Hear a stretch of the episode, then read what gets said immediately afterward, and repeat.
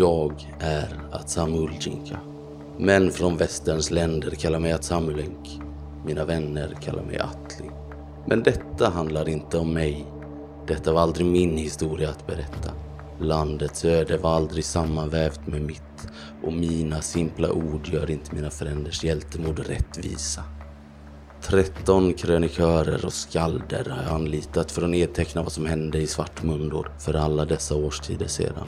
Men ingen av dem har förmått att fånga vemodet, ödestyngden och det avgrundsdjupa mörkret i vår historia. Därför faller ändå uppgiften på min tunga. Fem svurna krigare var vi som besegrade besvärjaren Dogol i skuggtornet och avvärjde det blodbad som närmade sig mitt land.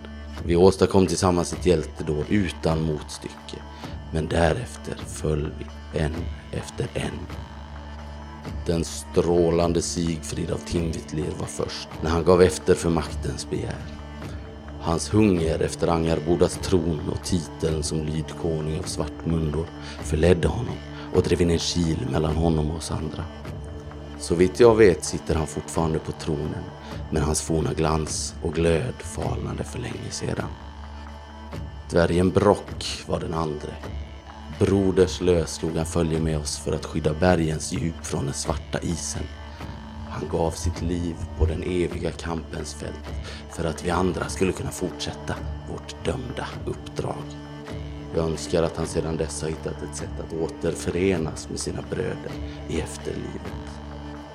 Ättlingen Ristur Svarte, edsbrytare, lögnare och hjälte bytte villigt sitt liv och sin plats med besvärjaren Kulvan och kastade sig i Blodheims käftar till ett evigt lidande. För allas vår skull ber jag att han aldrig mer återvänder till Trudvangs jord. Mörkret han bar inom sig utplånade hans sista skugga av mänsklighet långt innan han begav sig ner i dödsriket. Den ständigt drömmande Ravan av Gardavir blev den siste att lämna min sida. Hans förflutna kom ikapp honom och även han valde att byta sin frihet och sitt liv för en annans. Nu står han för evigt fjättrad i grindklätter utanför Narstränderna. En halv livstid passerade på ovansidan under tiden vi befann oss i Helgard. Stjärnorna tycks ha förlorat sin lyster och himlen är satt i brand. Jag må vara en blek och åldrad skugga av mitt dåvarande jag, men jag är inte förpassad till historien ännu. Jag bidar min tid vid Mirjas sida som hennes väktare. Mirja har inte gett upp drömmen om att hennes trolovade, solfull av valsång, furste och prins, lyckades undkomma draken Nifelfangs käftar och klor och återvände levande till Trudvang. Amsagor och skrönor. Vi söker oss nu från stad till stad, evigt vandrande, utan att komma närmare vårt mål. Men jag har en känsla av att mina prövningar inte är slut ännu och att det största äventyret ligger framför. Jag bär fortfarande brevet som Ristur bad mig lämna till hans son. Men jag fruktar att överlämnandet kommer orsaka ännu en våg av död och sorg över världen. Jag väntar och vakar. Den evige Glymifrost kommer sända mig ett tecken när tiden åter är inne för härklädnad och slipade klingor.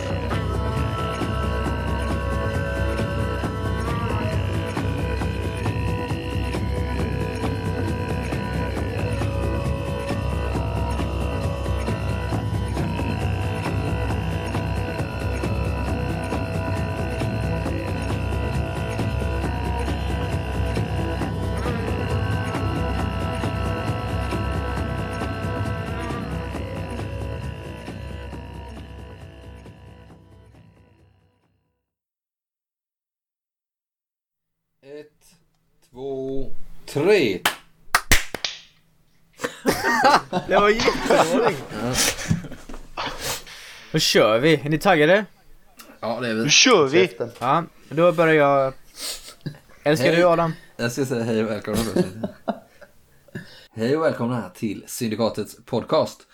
Idag så är det lite eftersnack efter Dimväg.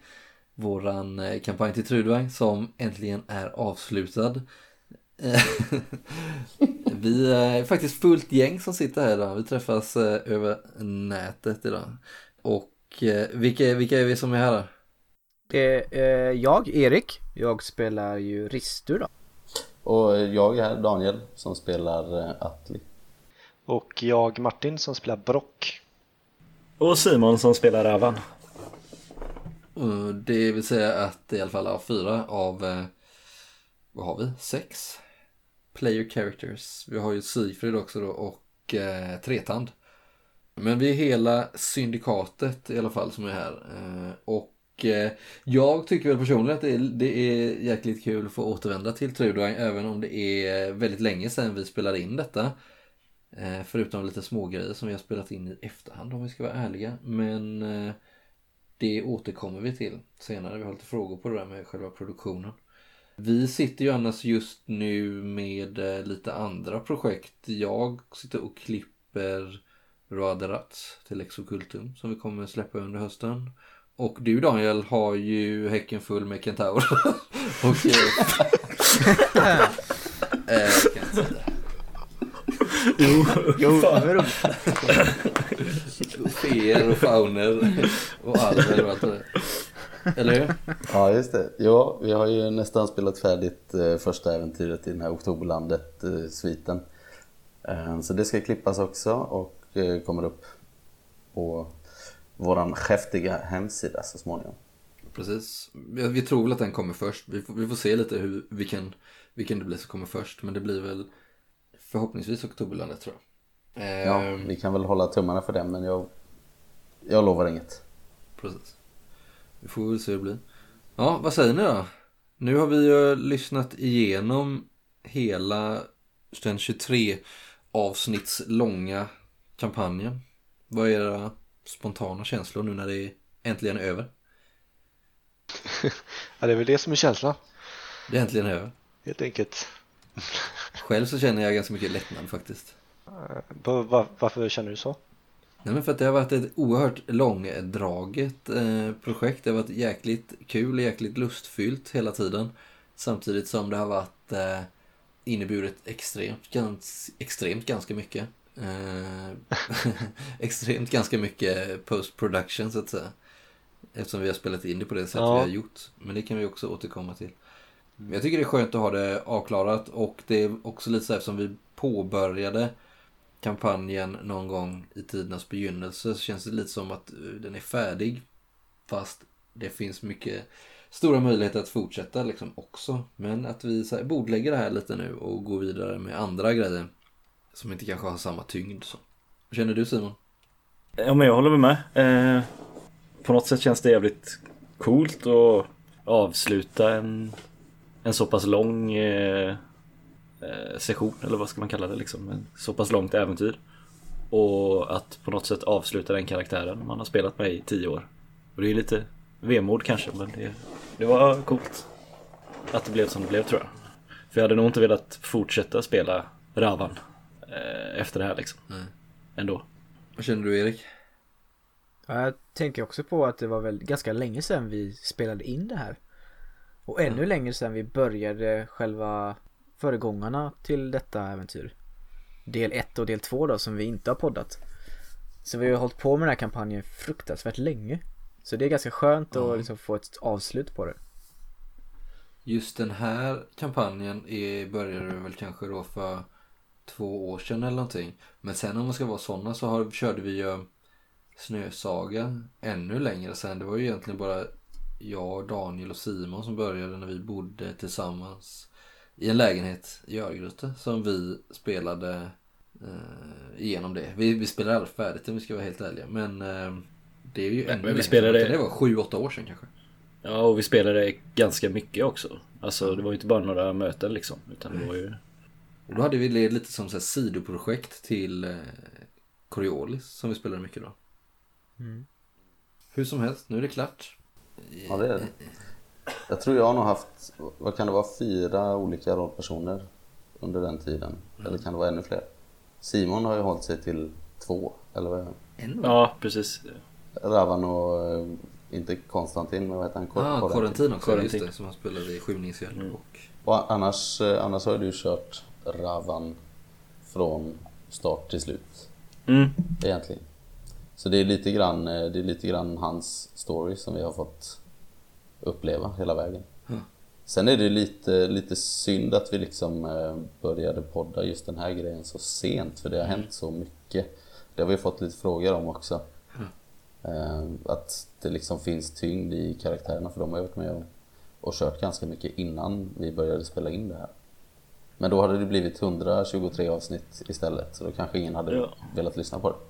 Ja, vi, kom, Säg inte det.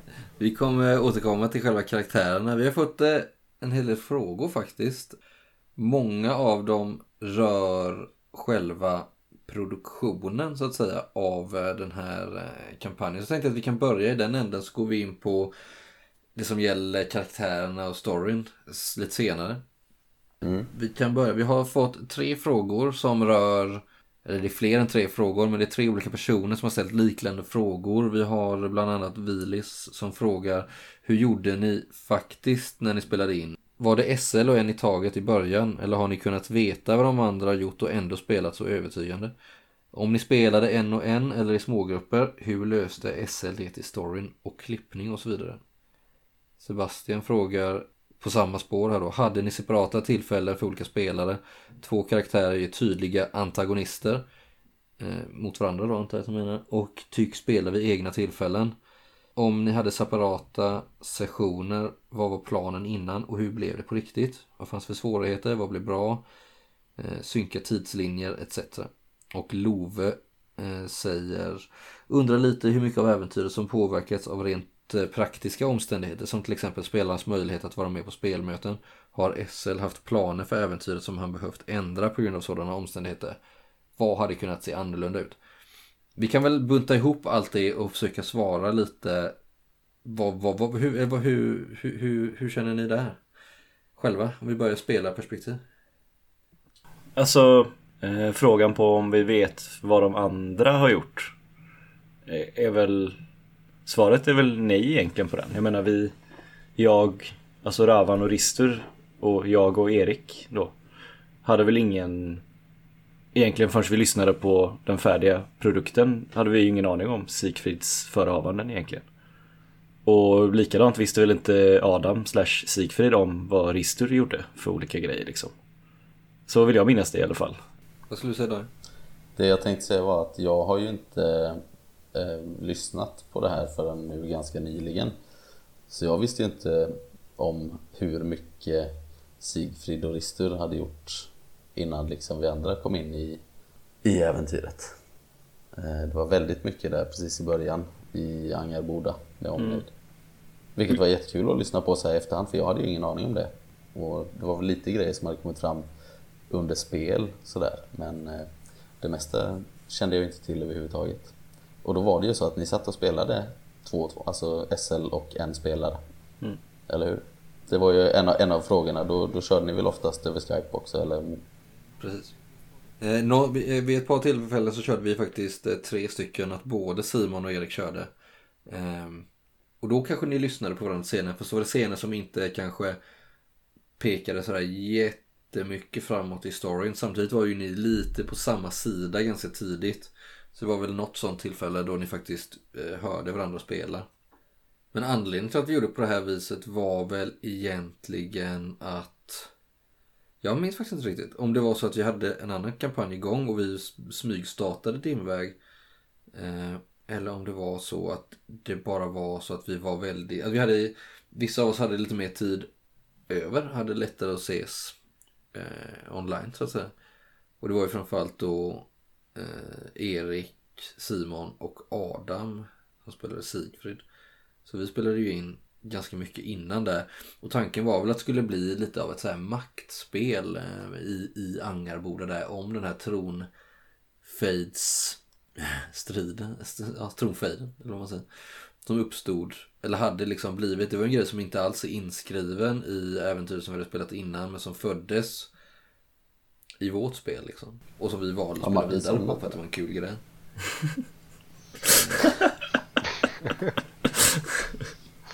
Han verkar vara riktigt släkten. Han är lite som Brock även.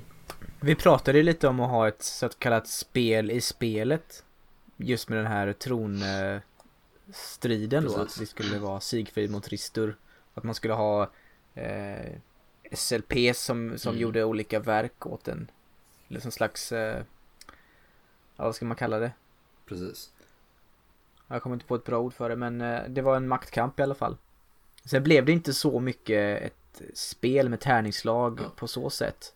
Och eh, vi spelade ut det mer liksom i, i rollspel. Precis. Adam hade ju planer på att, in, alltså att vi skulle introducera, för det finns något sånt där maktspelsgrej i typ vad heter det, svavelvinterrollspelet tror jag som han, eller som vi funderar på att eventuellt använda oss av. Men det blev aldrig att vi gjorde det utan vi lät det bli mer istället för att slå tärningar eller istället för att liksom göra, göra det som meta-aktigt så gjorde vi det mer in-game och jag tycker att det var ganska bra beslut att det fick bli så liksom.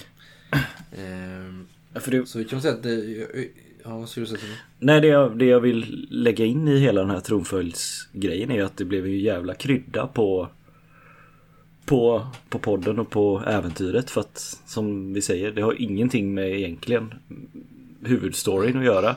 Men Nej. på något sätt blev det ju del av huvudstoryn. Och allt som Sigfrid gjorde mötte Ristur med en kontring och så här, jag tyckte det var jävligt snyggt gjort liksom.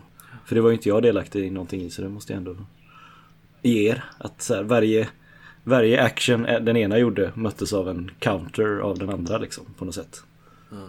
Men samtidigt fick ju du spela en roll där du var tvungen lite att välja vilken eh, väg som Ravan skulle gå. Och du var ju ganska tydlig ganska tidigt och det märktes ju redan i när vi spelade eh, skymningsgäld att du tog lite parti för Ristus sida liksom. Och det var ju ett plus för själva inspelningsdelen sen också att det blev, det blev ju en gruppering där Ristus sen tog på sig rollen att övertala de andra helt enkelt att välja hans sida på olika sätt. Jag vet inte heller om det kom fram, vi har ju nämnt det men det kanske inte är så att man kanske lätt glömmer bort det som lyssnare att eh, Sigfrid var ju faktiskt med i de första två delarna Mm. som vi spelade som en, eh, i- en i gruppen Precis. liksom. Mm. När vi Ja, spelade då var han ju inte en, då var han ju inte en antagonist utan snarare någon typ av nästan ledarfigur i gruppen eller en i gruppen i alla fall, en i gänget. Eh, och ni eh, stred tillsammans och hela den här grejen med att eh, Ristur har pakter med de här flororna, de här gudomligheterna eh, hade ju han också. Fast det framkommer inte så tydligt i Dimväg men han hade ju en pakt med Mag innan du hade det. Och hans pakt gick ut på att skydda dig, Ristur. Så ni var ju på eh, samma sida från början liksom. Han hade ju din rygg så att säga. Sen eh, Just det. hände det lite olika saker och eh, det blev någon slags tronföljdskrig emellan er helt enkelt. Svårigheter. Det fanns inga riktiga svårigheter tycker inte jag. Eh, utan det var väl liksom att man visste vad förutsättningarna var och så blev det en utmaning att göra någonting ballt av det. Så att det var ju snarare en morot liksom. Att se, till, att se att få storyn att funka utefter förutsättningarna. Så det tyckte jag blev eh, jäkligt bra. För vi visste ju att Adam inte skulle kunna vara med lika mycket i din väg överhuvudtaget. Så det blev, följde sig ganska naturligt att han spelade en tydlig antagonist. Tidslinjerna där, om du fick fråga om det var svårt att synka. Det var inte svårt så, eller det var, det var lite klurigt, men det har också varit roligt liksom. Jag har ju haft ett dokument som ni har fått se nu. Adam, Liksom. du har ju lagt ner ganska mycket tid på, på klippning och synkning. Jag har ju lagt ner oerhört mycket tid men det har ju, det har ju varit roligt, det har varit frivilligt liksom. Ja. Det, alltså just synkningen har ju varit en del av det roliga liksom. Och sen så har ju ni då fått veta, ni har ju inte hört varandra spela utan då har jag kanske fått eh, berätta för, för er istället då liksom. Senaste spelet gjorde han det här och nu så hur reagerar du på det liksom? Så det är väl lite så det funkar. Men det var ju rätt mycket saker som i alla fall jag fick reda på när jag lyssnade på podden som jag inte hade en aning om. Typ att Ristur eh, mördade en del människor som vi inte hade någon aning om ja. till exempel. Nej. Men ni misstänkte aldrig något då eller? Nej, inte ens det, eller så. Nej, och det kanske hade st- ställt lite tvivel hos i alla fall Ravan om det verkligen är rätt person. Eller om jag ska stödja någon av dem ens med tanke på de rätt kallblodiga grejerna som hände. Men just det, det faktumet att påverkade, hur mycket påverkade det dig om du ska vara helt ärlig då Simon? Just det här de eh, rent, vad ska man säga, förutsättningarna, det här med att vem som kan medverka där, vi visste att Adam inte kunde vara med så mycket liksom. Gjorde det att du tänkte att det är bättre att jag väljer Eriks sida på grund av att då kan vi spela ihop liksom? Eller hur Nej, det, alltså, nej, det tror jag inte. Jag, det kändes som att Sigfrid hade ju dels svikit eh, den pakt han hade med Solfurd som är min, eh, eller som är Ravans liksom, ja, ledare. Och hela den här grejen att Sigfrid skulle bli kung över, över eh, Svartmundur.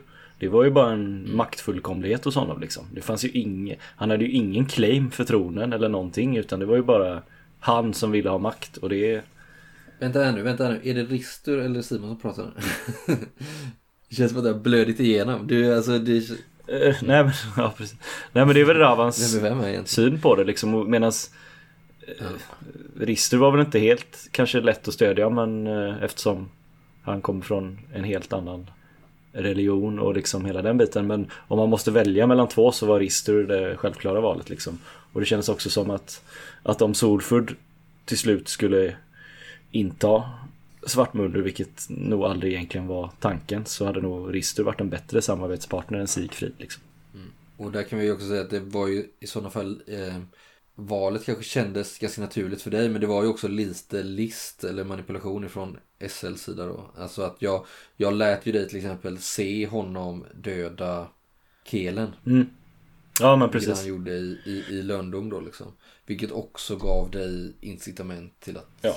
tycka att han var falsk. Och Kelen är ju då, om vi inte har berättat innan, är ju Rovas kärleksintresse eller vad man ska säga. Innan Ja. Sigfrid kom in i bilden egentligen. Ja. Och är även Bogvart, eller var även Bogvart.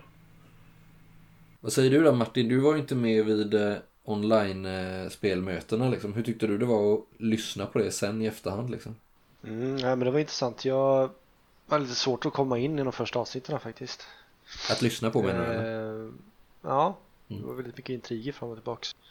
För Brock var väl aldrig riktigt eh, involverad i några intriger överhuvudtaget. Nej. Han följde med av mest en slump faktiskt. Mm. Och sen eh, han hade ingen motivation egentligen på det sättet som de andra karaktärerna hade. Utan han var väl mest eh, vad ska man säga? Han, eh, Comic Relief. ja, exakt, comic relief ja, precis. Nej men inte, alltså rent spe, spelmässigt så tror jag att han eh, led väl hela tiden av eh, sin förlust som hände i eh, som hände Innan vi hade börjat spela. vi spelade innan då helt enkelt. Men det hände ju egentligen innan vi hade spe- börjat spela det också Martin. Det var det Ja, första det gjorde, som gjorde hände. det. för- spelade, den, spel, den biten spelade det egentligen inte eh, alls överhuvudtaget. Nej. Eh, Det var ju så att han, för, han förlorade sina bröder i kamp i, i djupt in i bergen. Men det här nämns väl det var ju inte så någon de, gång? de andra karaktärerna hit... Nej det gör det inte. Det var ju så de, ni hittade mig där. Helt bruten dvärg i djupen. Första du gjorde var att du eh, spottade det någon i ansiktet. eller var det innan det? du. Vad sa du? Första du gjorde var att du Var det i spottade ansiktet. eller var det innan? Det var i Fradkov ja. Ja. Nej men då kom, då kom Atli och, och Brock in typ samtidigt. Ja, Atli var väl kanske med ett eh, spelmöte tidigare kanske. Men ja. Ja, nej men de, de var ju lite i samma Ja, båt, precis. Atli och Brock, att de, eh, de kom in i det här utan någon riktig investering som alla de andra hade, eller fick sen. Mm. Nej. Eh, på gott och Det- ont.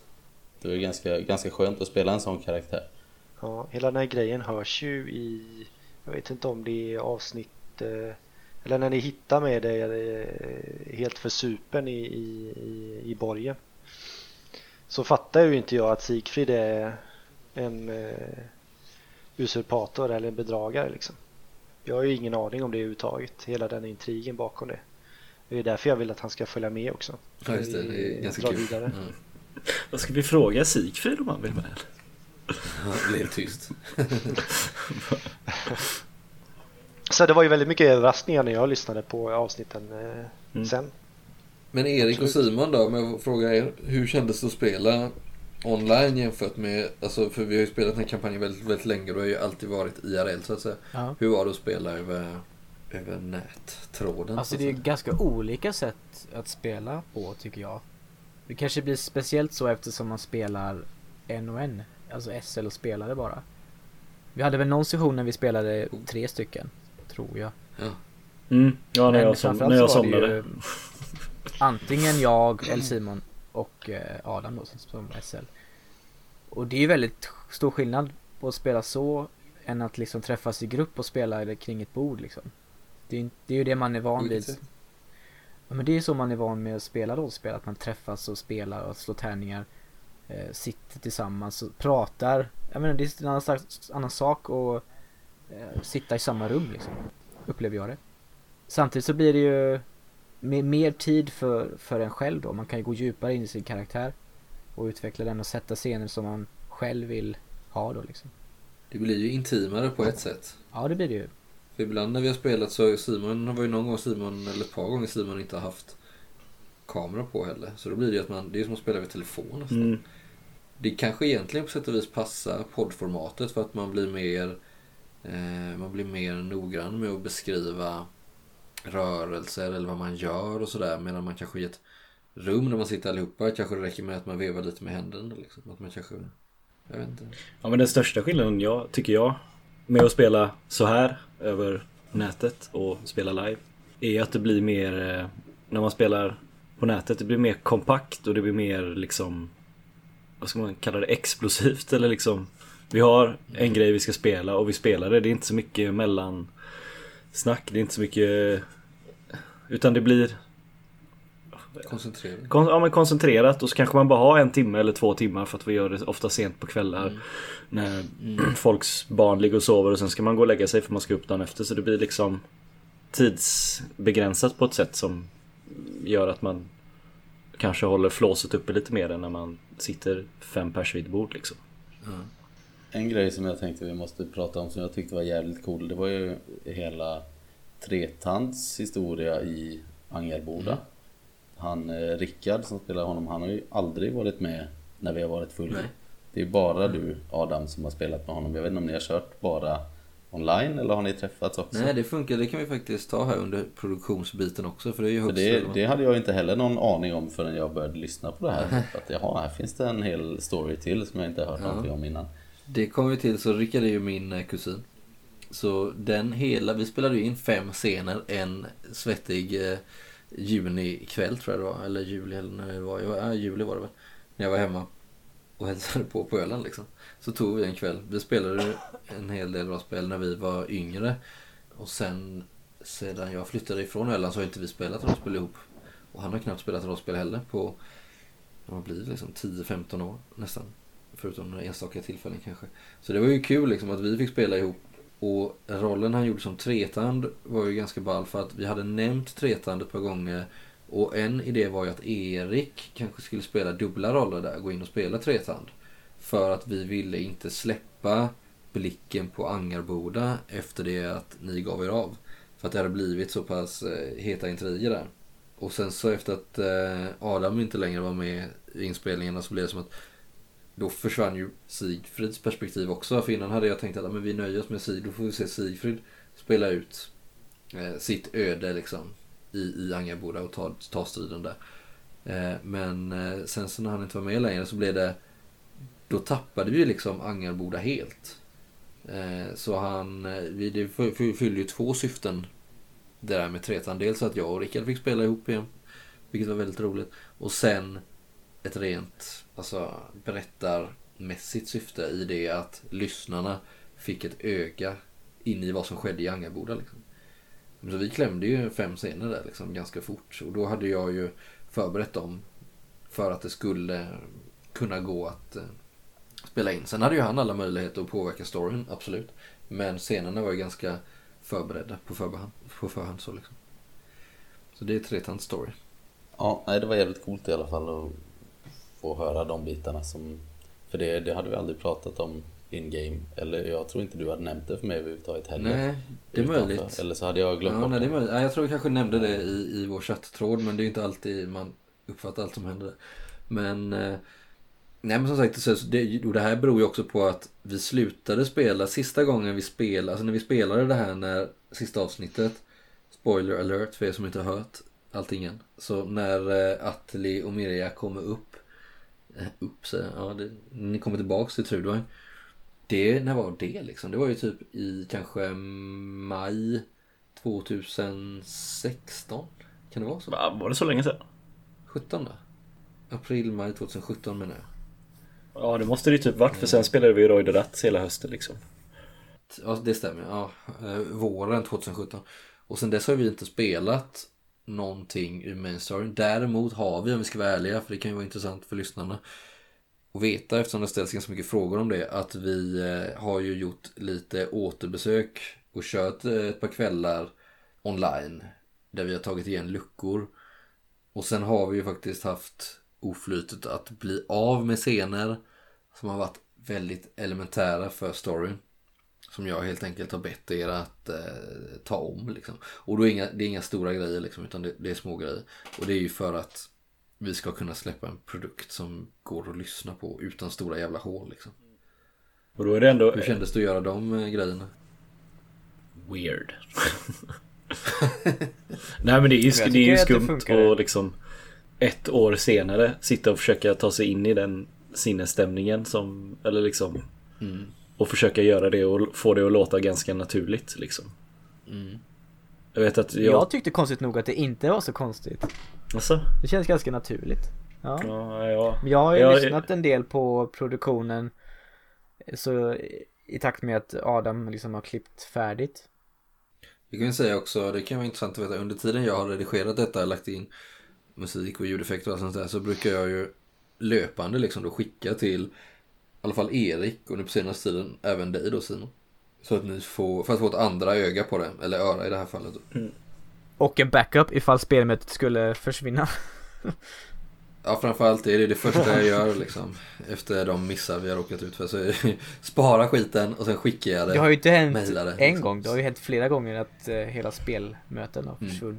Det är Ja, det är inte hela spelmöten, det har bara hänt en gång. Ja det är, det är ju ett, hänt en gång. ett spelmöte som försvann i... Ja. Hur tycker ni att vi löste det?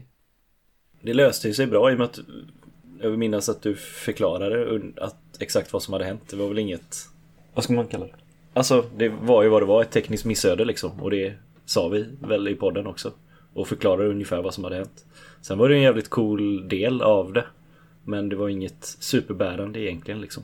För storyn. Det var nog enda gången i hela Dimväg-produktionen som vi eh, broke the fourth wall som det heter. Liksom, där vi tilltalade lyssnaren direkt. För det Mm. kändes som att vi var, det var tvunget att göra det för, för att förklara varför det blev ett glapp. Liksom. Och det, det var tyvärr ett jävligt tråkigt missöde att jag hade helt enkelt slarvats med så basala grejer som att liksom spara. och så, så, eller nej, så här var det faktiskt att jag, jag, när jag skulle spara så hängde det sig. Jag, jag väntade med att spara, sparade inte med en gång utan jag sparade lite senare. Och när jag väl sparade så hängde sig eh, programmet och hela datorn. Jag fick starta om och då fanns det mesta kvar och så ska jag spara det igen. Och då hände samma sak igen att det hänger sig. Så jag, det, är liksom, det var lite beyond my control men det var ju fortfarande mitt fel att jag inte hade sparat det med en gång bara. Liksom. Men det löste ju sig ganska bra ändå. Så att det... Mm, mm. jag skyller allt på ting. Mm.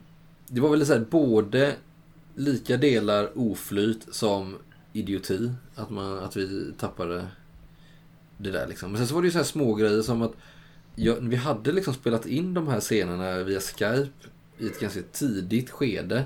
Så hade jag dem liggande på min gamla dator ganska länge innan jag började redigera det. Och när jag väl hade redigerat det så, jag vet inte, så någon dag så var liksom hälften av filerna borta typ. Och jag kan inte förklara vad fan de har tagit vägen liksom. Eh, och det var därför vi fick spela in ett par grejer i efterhand också. Ska vi ta någon mer fråga här från uh, våra lyssnare? Ja, vi kan gå vidare. Skulle du läsa Erik? Ja, vi har en fråga från Magnus här. Eh, handlingssystemet slash stridssystemet verkar jäkligt smidigt och baserat på någon allmän förstådd motståndstabell med egna varianter om vad som ska ske. Förklara. Sen står det, vilket vapen som används verkar ovidkommande med kortsvärd och dolkar lika vanligt som tyngre arsenal. Gillade det då det tog bort koboltspelande, men då ni aldrig verkade slå skada kändes det lite märkligt. Utveckla gärna. Ja, Vad är koboltspelande? Daniel förklarar. Eh, Det, Det är egentligen när man hela tiden försöker opta sin karaktär för att vara så bra som möjligt enligt regelverket. När man minmaxar. Samla på sig bäst grejer, eh, minmaxa sina stats så att man blir så bra som möjligt. På något sätt. Men min, minmaxa är ju typ samma sak som kobolt. Ja, Det är ett gammalt eh, uttryck från tidigt 90-tal tror jag. I rollspelsvängen. Är det inte så Daniel? jag tror det. Det har hängt med hos oss väldigt länge i alla fall. Men det, det handlar i alla fall om att man ska göra sin karaktär så bra som möjligt. Men i korta drag kan vi väl bara dra det här med stridssystemet. Eh, för det är säkert några som är intresserade av det. Till att börja med så är ju Mm. i alla fall inte jag som spelledare sådär jätteintresserad av regler eller mekaniker i spel överhuvudtaget. Utan vill väl att det ska gå väldigt smidigt och det är därför vi har gjort om det lite. Men i korta drag så allting vi har gjort är fortfarande baserat på de regler som finns i Eh, ja, nu är det väl online-versionen vi utgick ifrån egentligen. Men det är ganska hyfsat likt det här att man har ett antal stridspoäng som man kan fördela dynamiskt och beroende på hur man vill göra. På eh, attacker och pareringar. Och eh, antalet stridspoäng eh, som man har köpt då helt enkelt har varit grunden för det här nya stridssystemet. Där man helt enkelt, där vi har haft en, eh, en motståndstabell som eh, finns i någon av Right Minds böckerna, jag minns inte riktigt. Eh, en motståndstabell där man, för att avgöra vem som vinner, där två olika karaktärer möts. Så så enkelt är det det. Och sen så har jag då ganska stora friheter som SL att avgöra utefter att hört, ha hört vad eh, spelaren vill göra. Ge diverse modifikationer på det slaget då. Eh, och det är ganska inspirerat av det här Solar System stridssystemet egentligen. I grund och botten. Det här Bring Me The Pain och så vidare. Att du kan välja någonstans att om du misslyckas så hamnar du nästa runda på minus. Men lyckas du så har du vunnit alltihopa typ. Eh, Så det är ganska fördelaktigt för spelaren egentligen. Eh, Men det går ju att modifiera med diverse plus och minus. Det gör ju väldigt mycket för farten i spelet också. Att Precis. vi hela tiden har det här valet att försöka oskadliggöra någon direkt. Mm. Det är oftast det antingen tillfoga skada eller, eller oskadliggöra motståndet på en gång. Liksom. Precis. Eh, Annars så kan det bli att man rullar fram och tillbaka hur många gånger som helst och slår på varandra. Man har rustning och ingenting händer. Så Ja, särskilt i Trudvang så är det ju så. Eller även i Lex Occultum är det väl lite så. Men, så det var väl det som eh, vi kände att vi ville göra det mer tidsekonomiskt och lite roligare kanske eh, att spela. Och inte lägga en halv kväll på en strid liksom. Det hade blivit jävligt konstigt för poddformatet om inte annat om liksom tre avsnitt handlar om en strid för att det är så mycket tärningslag liksom. Precis. Där man liksom nöter ner varandra under en lång, lång process. Men däremot ska jag säga att det här med eh, skadan är det faktiskt så att det var olika skada. Men det kan ha varit så att jag har klippt det ganska hårt eh, och att man inte har hört alltid att vi har berättat hur mycket skada det gör. Men det är fortfarande så att det är samma skada. Alltså att ett tungt vapen kanske gör då en T10 öppet 8-10 öppet slag då alltså. Medan ett lätt kanske bara är öppet 10. Så det har vi behållit precis som är vanligt och sen så har då differensen man slår, säg att du slår då till exempel mot 11 och du slår eh, 8, då har du 3 differens, då innebär det att du får slå eh, för var tredje Vet du, vi kan göra så här att en den som verkligen, verkligen vill veta kan bara skicka en fråga till oss. Så kan du skriva ner det här bara. Ja, det kan jag göra. Det kanske är skittråkigt att lyssna på. Men jag tror att vi, vissa tycker Ja, men att det det är blir, lite, det blir kanske lite invecklat att lyssna på. Ja, men det är lite svårt att förklara när folk ska sitta och lyssna så här. Ja, har du rätt, det har du nog rätt i. Jag kan, jag kan eh, lägga upp eh, ett dokument på vår, på, vår, eh, på vår hemsida. Och på vår Facebook. Ja. Vi kan väl säga att det gjorde ganska mycket, det hjälpte oss ganska mycket just att få den här farten i striderna. Ehm, Så att vi kunde fokusera på det som vi tycker är lite roligare än att bara slå tärningar hela tiden.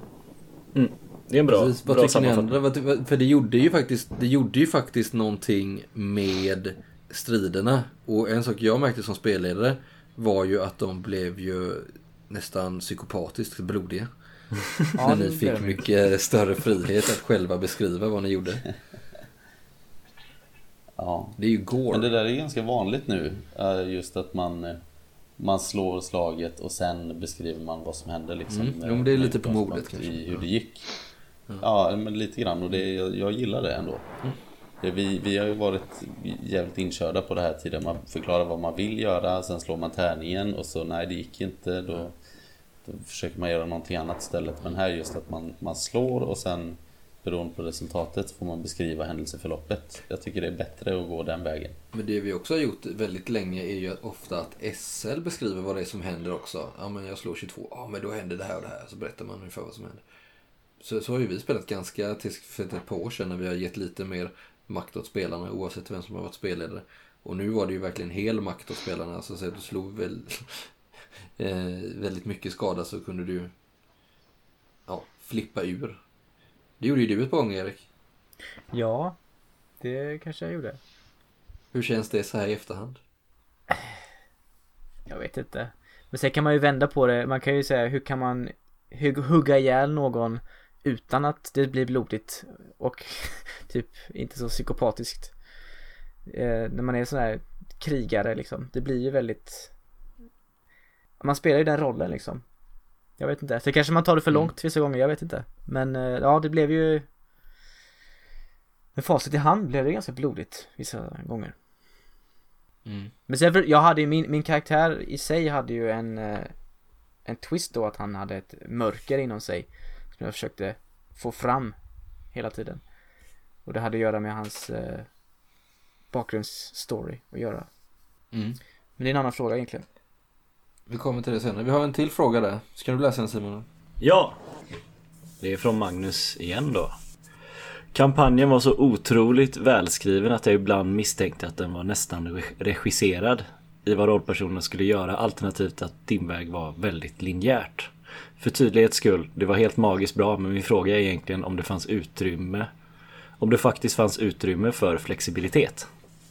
Ja, det får väl nästan ni svara på. Eh, jag tyckte det, eller tycker att det fanns väldigt mycket utrymme för flexibilitet.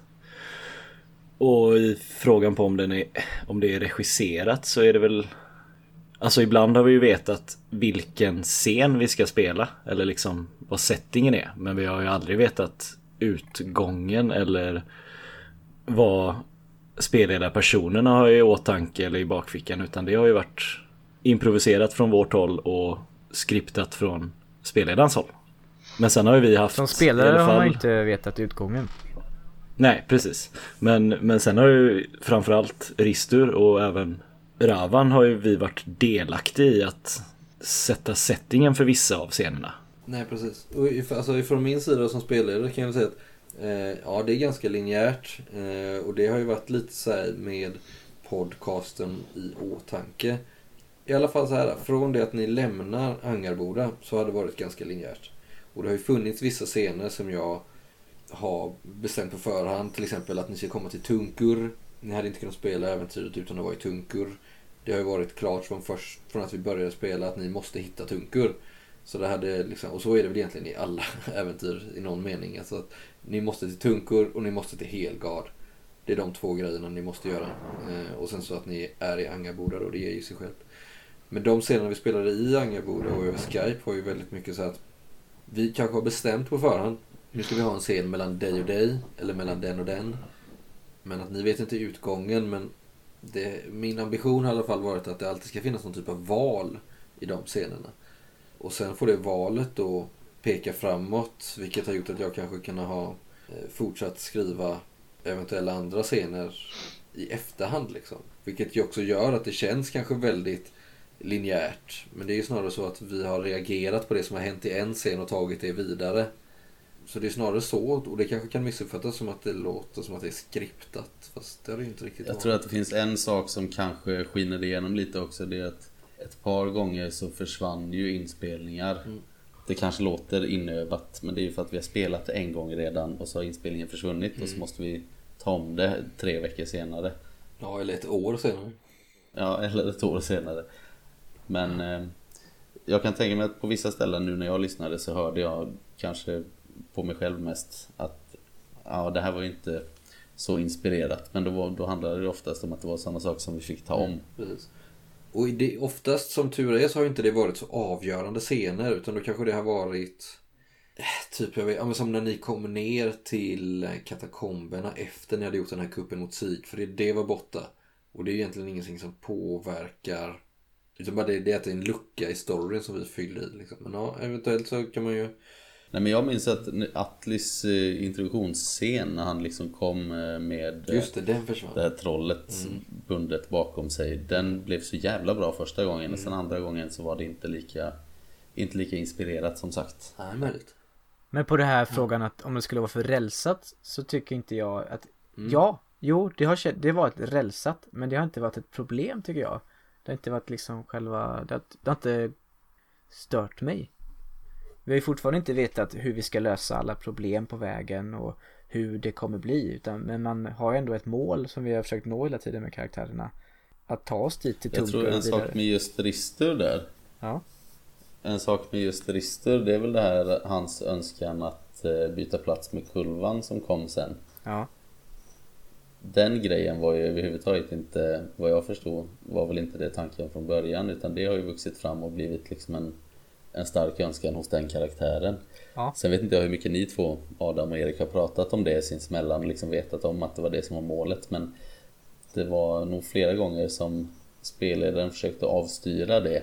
Ja. Men eh, Ja, det där, tror jag du, där du ändå insisterade Ja. Erik och ville, ville Jag göra tror det är här. kanske fem personer som säger till Rister att eh, det är ett dömt företag. Liksom. Ja. Eh, men ja, nej, där lyssnade inte Rister. Men det passade ju Men samtidigt så blev det, blev det en av de coolaste grejerna i hela kampanjen. Att eh, det var ju mitt mål hela tiden att, eh, att det skulle hända liksom. Men jag tror inte Adam, du visste nog inte det. Vad jag skulle välja först jag, först jag valde det. Nej, det visste jag inte. Det visste jag verkligen inte. Men däremot så vet jag att jag visste ju hela tiden att du ville kulva. För du sa ju det ganska tidigt till Rakia där också. Att det var det som var ditt mål. Men hon pushade för att men vi måste få tillbaka spjutet. Jag vet inte, ne- har vi nämnt det så mycket vad som hände där när vi mötte Dogol i del två var det va? Nej, nu kan du ta När, det. när eh, Rister, han, hans öde där var i den, i den storyn. eh, Det var ju att ha ihjäl den här demonen, Glodvingur. Och tanken var ju att han skulle faktiskt följa med Glodvingur in i Blodsheima. Men när jag skulle rabbla den här ramsan så fumlade ju jag på slaget. Ja. Och då försökte du med att Atli skulle hjälpa mig, Rister, att komma ihåg den. Men då misslyckades du också med slaget. Och då, då var då som du steppade in då med kulvan och eh, tog, tog tag i spjutet och tog Risters plats. Precis. Det kan ju säga att jag hade ju det som reservklon ganska tidigt i kampanjen, det kan jag erkänna. För det hade också blivit effektfullt om han gör den uppoffringen. För han var ju weird som fan. Lyssnarna har ingen bild av Kulvan, men han var ju ett riktigt original.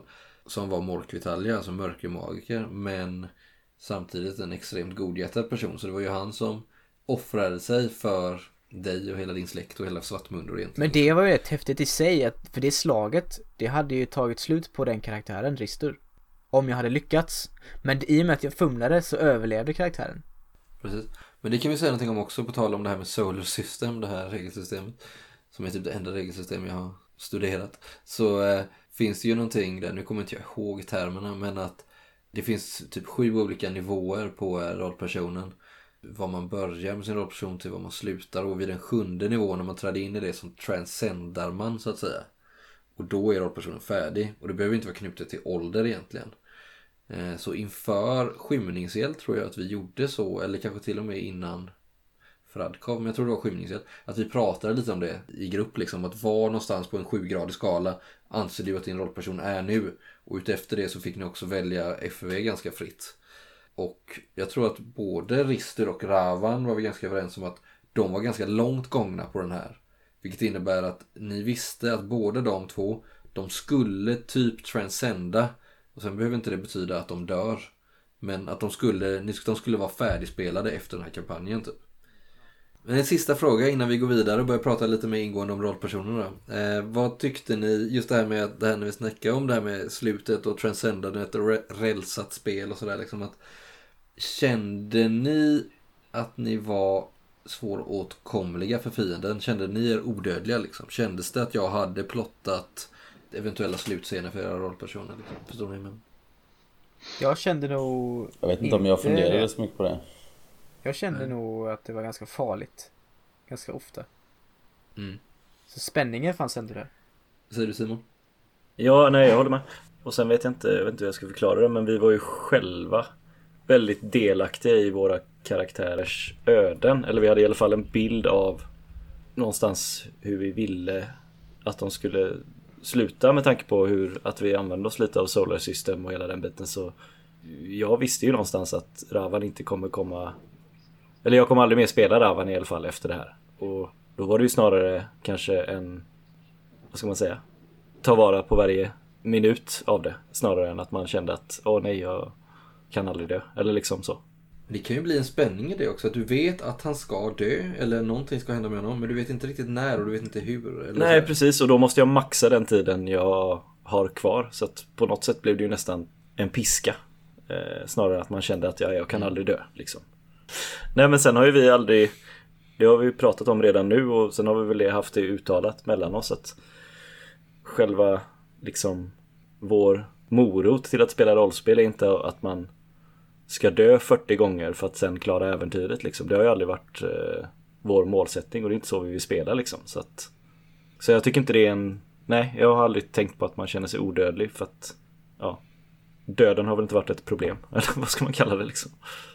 Jag tänker på det som du säger Simon, att vi spelar ju inte direkt så att vi Ett tärningslag är så ödesdigert att det Äh, här dog din karaktär tyvärr Som du har lagt ner så mycket tid på och som vi hade så mycket planer för i storyn Utan det får ju vara någon slags Outsagt när ändå någon slags överenskommelse om att när en person ska dö Det, det får ju passa storyn lite men sen är det liksom upp till var och en. Det är, det är samma sak som när man ska känna skräck och när man ska känna fara. Det ligger lite hos eh, spelaren själv också. Att jag känner känslan. Jag får ta ansvaret själv. Att jag lever mig in och känner spänningen. Eller känner skräcken. Jag, Vi har ju inte använt skräckpoäng till exempel. nej, Det var, fa- det men, var faktiskt en jävligt bra input Erik. Att, att man tar ansvar för det själv som spelare och att man Ja. lägger inte allt ansvar på spelledaren i... Eller tärningarna för den delen. Nej, nej Alltså men precis. Det ska vara spännande eller man ska känna faran i situationen. Och det tycker jag att det, ja. Mm, jävligt bra inflik. själv.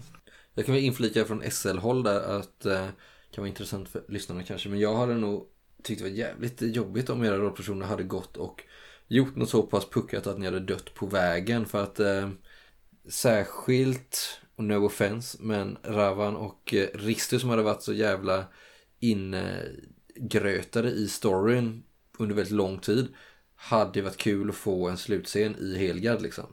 Atli och Brock var ju lite mer de hade en annan inställning till livet också.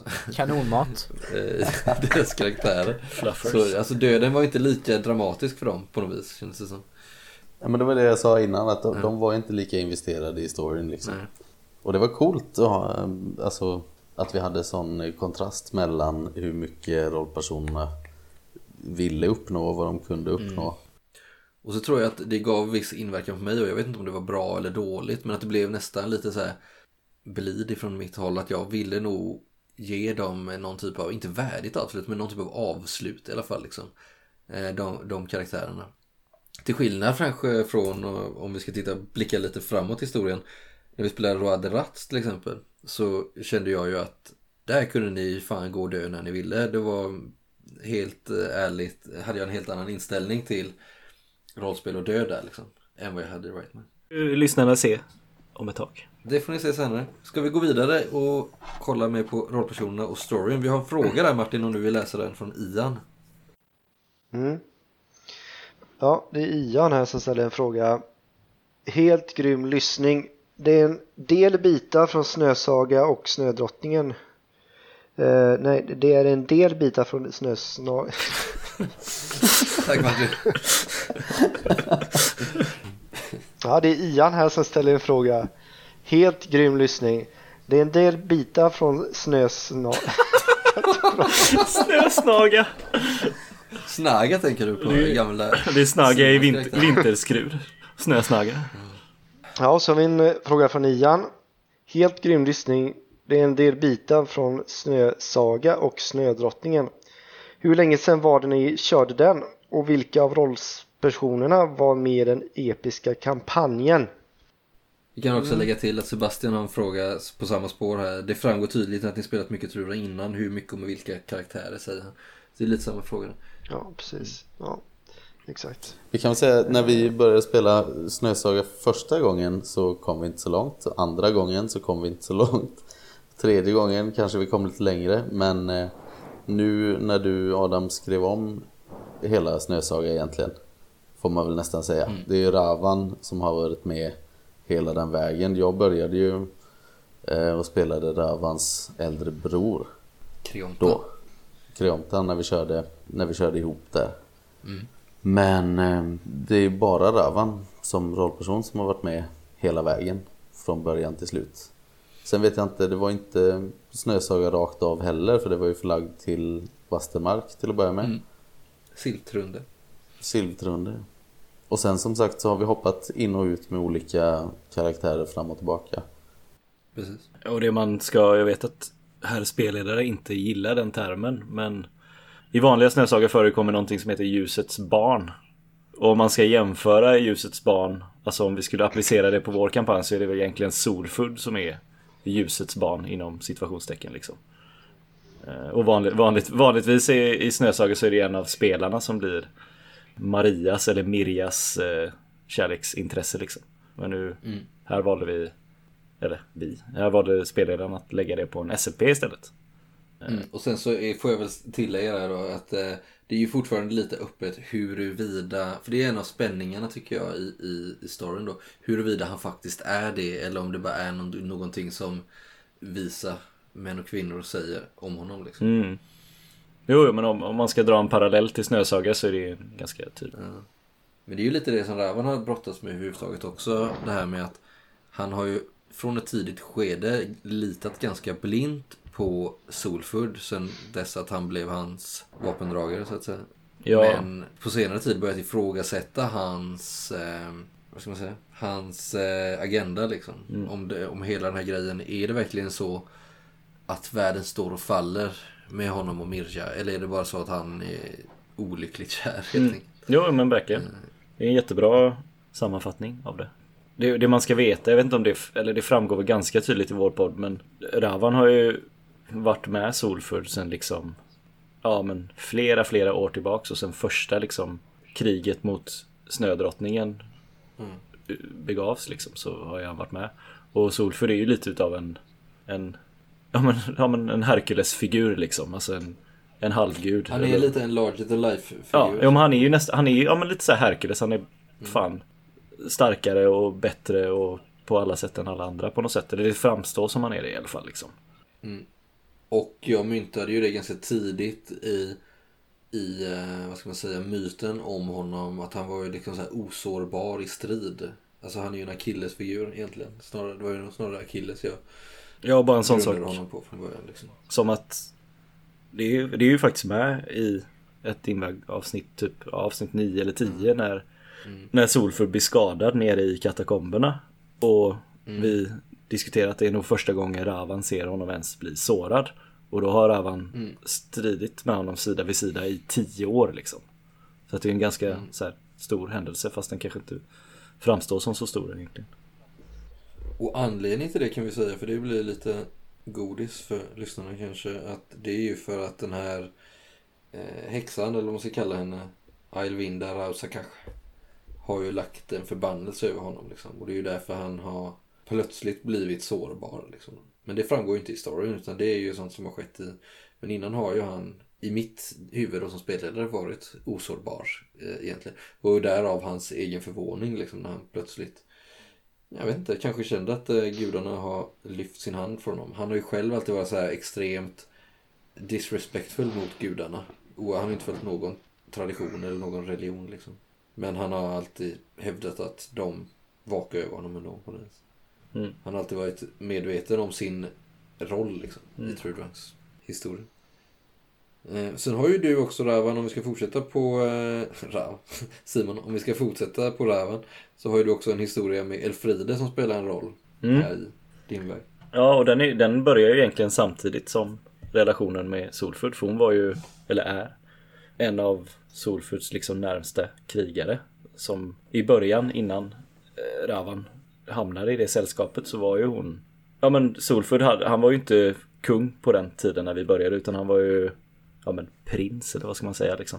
Mm, kan man säga. Han var ju sonson till den dåvarande järnfursten Ja. Så han hade ju ett, av eh, han hade ju ett krigarfölje och en armé och sen hade han ju ett, ett par utvalda som var hans närmsta och Elfride var ju en av dem liksom. Mm. Och hon räddade väl livet på Ravan. Ja, vi behöver inte gå Första in på gången det. de träffades. Ja, men typ sådär. Men det har ju aldrig varit egentligen något kärleksintresse dem emellan förrän ja, nu egentligen när vi Jag vet det, jag kände, det kände jag också så här, att det blev så här lite, inte olyckligt, men det är så här lite oproportionerligt för att Elfrida har ju spelat en helt annan roll. Eh, det är nästan hon som har varit så här, den som alltid räddar Ravan när han liksom hamnar i trångmål. Mm. Och att jag la in henne lite vill jag minnas för sju år sedan som ett eventuellt love interest. Men att eh, du aldrig ville spela på det. Och hon har hela tiden varit med, kanske inte i äventyren men i periferin. Och det har sakta, sakta byggts upp någon typ av spänning. Men du har ändå aldrig velat spela på det och då har inte jag velat tvinga det på dig heller. Nej. Men nu när vi spelade Dimväg så hände det någonting där. Liksom, ni hade spenderat tid i fångenskap tillsammans och sådär. Liksom. Och plötsligt så kände väl du att men nu är det nog läge. Liksom. Kanske just för att Ravan också var nära att transcenda. Liksom. Han var sånt färdig som karaktär. Och det hade väl varit lite tråkigt att en, en sån karaktär går genom hela livet utan någon typ av upplevelse av kärlek. Det hade varit sorgligt. Ja, och sen kan jag ju ärligt säga att det handlar ju mest om mig som spelare kanske. Eh, Jag kanske inte var så bekväm i sådana scener förr i tiden liksom. Eller jag tyckte kanske inte det var intressant eller jag vet inte liksom. Hur var det att spela de scenerna nu då? För det blev ju ganska nära hångel där du och jag. Ja, nej men det är, det är annorlunda. Men eh, det är fortfarande obekvämt men det är en utmaning och det är storyn någonting och liksom karaktären och sådär. Sen är det ju ganska en ganska märklig situation att sitta med en av sina bästa vänner och beskriva kärlekshandlingar liksom. Men det... ja, Men tror du det var enklare att vi gjorde det över Skype? ja, absolut. Och, och inte tre andra dudes som sitter och håller käften och fnissar liksom. Som nu. Som Daniel gör. Så att, ja, jo absolut. Ja, men jag såg framför mig när ni, ni två skulle sitta tillsammans och hålla varandra i handen och Ja. ha det mysigt. Jo, nej men det var... Det var kul.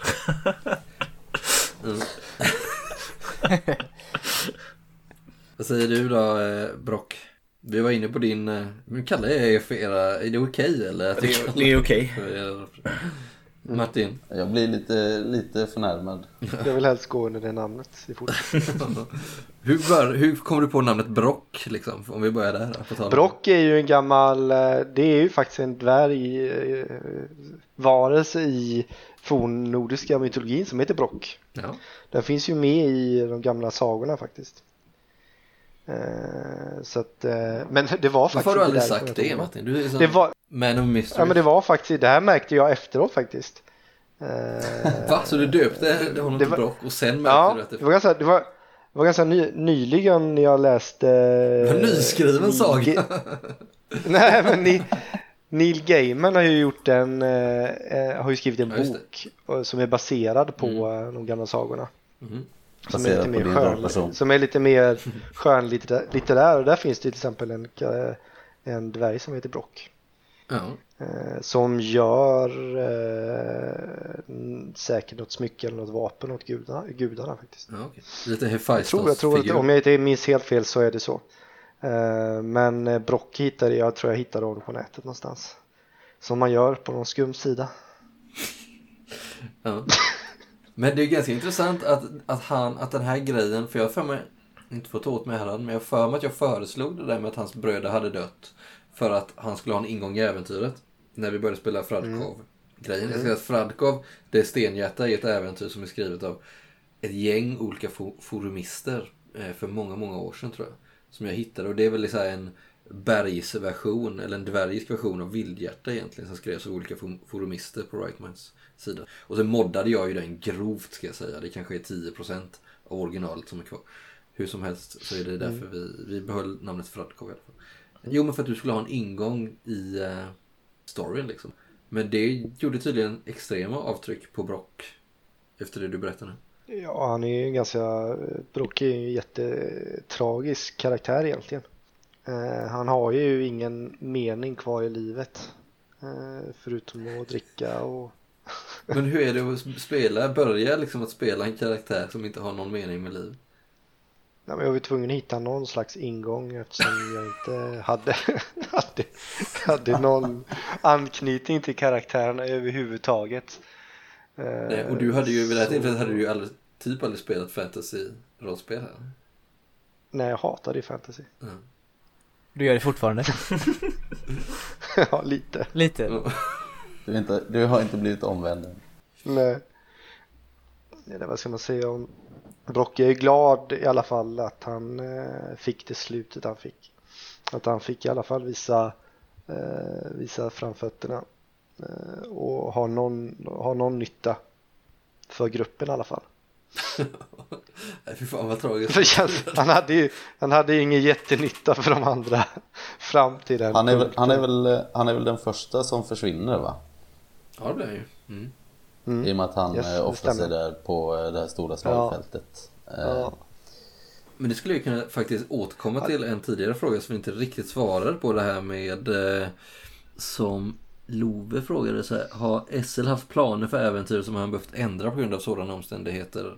På grund av vem som kan vara med och inte. Och det kan vi säga att när vi spelade in de kanske tre, fyra sista spelmötena så jobbar ju du väldigt mycket Martin och kanske inte var supertaggad heller. Jag vet inte, du behöver inte avslöja hur det verkligen låg till. Men vi visste inte riktigt om du skulle komma eller inte liksom förrän precis innan det var dags att spela typ. så där var det så att då hade jag faktiskt de två sista spelmötena sett två olika varianter av hur vi skulle börja spela med eller utan Brock. Eh, Där vi inte visste om han skulle vara med liksom. ja, jobbigt. Nej det var inte jobbigt. Men det var ju så här bara, som en, det näst sista så var det ju att han satt i den här grottan och hade gjort stekta svampar eller? Rostat svamp. Mm. Det är jävligt roligt. Eh, och sen det allra sista spelmötet var han ju tyvärr inte med. Så, och det var ju då han blev biten av den här äckliga draugen. Ja, det är fruktansvärt. Ja. Och det var ju också lite så här för att ni skulle kunna skicka honom i döden utan att släppa honom med er. Liksom. Tänkte jag. Att ni känner att han är ändå förlorat. Typ. Men hur kändes det att dö på det viset? Ja, det var fint. Det var, det var fint. Han hade ju ingenting, han hade, Brock hade ju ingenting kvar att leva för egentligen. Han hade ju tappat allt i stort sett. Så det tycker jag ändå att det var fint att han fick en sista hjältemodigt slut. Mm. Men om man ska återkomma till det här med Transcenda då så var han ju ganska nära att Transcenda hela tiden. Liksom om du började med en karaktär som inte har någonting att leva för. Liksom. Då, Mm. då, då är det ju ganska givet att han blir kortlivad. Atli då? Ja, vad ska vi säga om honom? Jag hade ju en väldigt tydlig bild när jag skapade den karaktären. Att då hade jag väl, jag vet inte om jag hade spelat mycket precis innan det. Att jag ville lite grann så här, hjälpa spelledaren på traven genom att göra en jävligt enkel karaktär som bara hänger på typ allting. Som aldrig, aldrig, aldrig, aldrig backar för en utmaning eller ett äventyr eller sådär. Som inte behöver massa jävla djupa krokar, som inte behöver motiveras för varje litet steg på vägen, Brock. Utan som... som bara hänger med för liksom sin äventyrslustas skull, mer eller mindre. Sen blev det ju ganska mörkt på slutet ändå i och med att han är den enda som kommer upp ur, eh, ur dödsriket liksom och är ensam kvar av alla de här sina forna vapenbröder. Hans, hans öde var, tog, ja, det tog inte slut där för honom men däremot så, så är ju kanske den här lite gladlynt eh, och positiv eh, bilden borta nu kan man väl säga. Nu är det ju en annan, en annan Atli som står kvar efter det här äventyret. Men jag kommer ihåg att jag hade liknande inställning när vi spelade, när du, för du hade ju haft, eller liksom något äventyr när vi spelade Trudvang. Eh, och då kände jag att jag inte hade en sån karaktär som var det som du beskriver nu. Så när vi sen spelade Götter och du var spelare då gjorde jag också en sån karaktär som alltså är självgående, självdrivande, vill framåt. Och det är lite så en sån karaktär jag också spelar nu i Oktoberlandet liksom. Som kan driva det själv. Och det är ju Atli också på alla sätt. Och det tycker jag det är ju, det är ju underbart som spelledare att man vet att den här personen kommer jag in, måste jag, och därför la ju inte jag någon direkt kraft på att ge honom svåra ultimatum redan från början som jag kanske var, gjorde med eh, Ravan och Ristur på ett sätt. Och som jag också gjorde faktiskt med Brock, men det klippte vi bort kan vi säga till lyssnare. Ganska intressant. Nej, vi klippte inte bort det utan det, det försvann. Och vi valde att inte återskapa scenen. Eh, vi hade ju faktiskt en scen innan ni lämnade Angarboda. För du var ju nere hos dvärgarna där i staden ganska ofta Brock. Och Atle fick följa med faktiskt. Ja. Men du hade det här dvärgsvärdet Rimbite. Och då hade ju vi en scen, minns du Martin? Där du fick den här runan intatuerad. Mm. Nej. Jag minns det. Det var det sämsta minnet i hela Rollspel-Sverige. Nej men jag kommer ihåg det, det var en Ja, ganska alla kommer ihåg det. Ja. Jag kommer också ganska ihåg det. Fan. Han fick det här liksom, Det minns, det här Martin. stora uppdraget. Jo, men jag minns ju. Vi... Nej, det gör jag inte. Men eh, jag Säg minns det att vi var nere där väldigt mycket. Ja, Du fick ju en var sån här- förmodligen du fick ju en särskild... skitpackad när han tatuerade sig. Ja. Det var en sån slattet. Mm. Och så... det får vi klippa bort. Eh.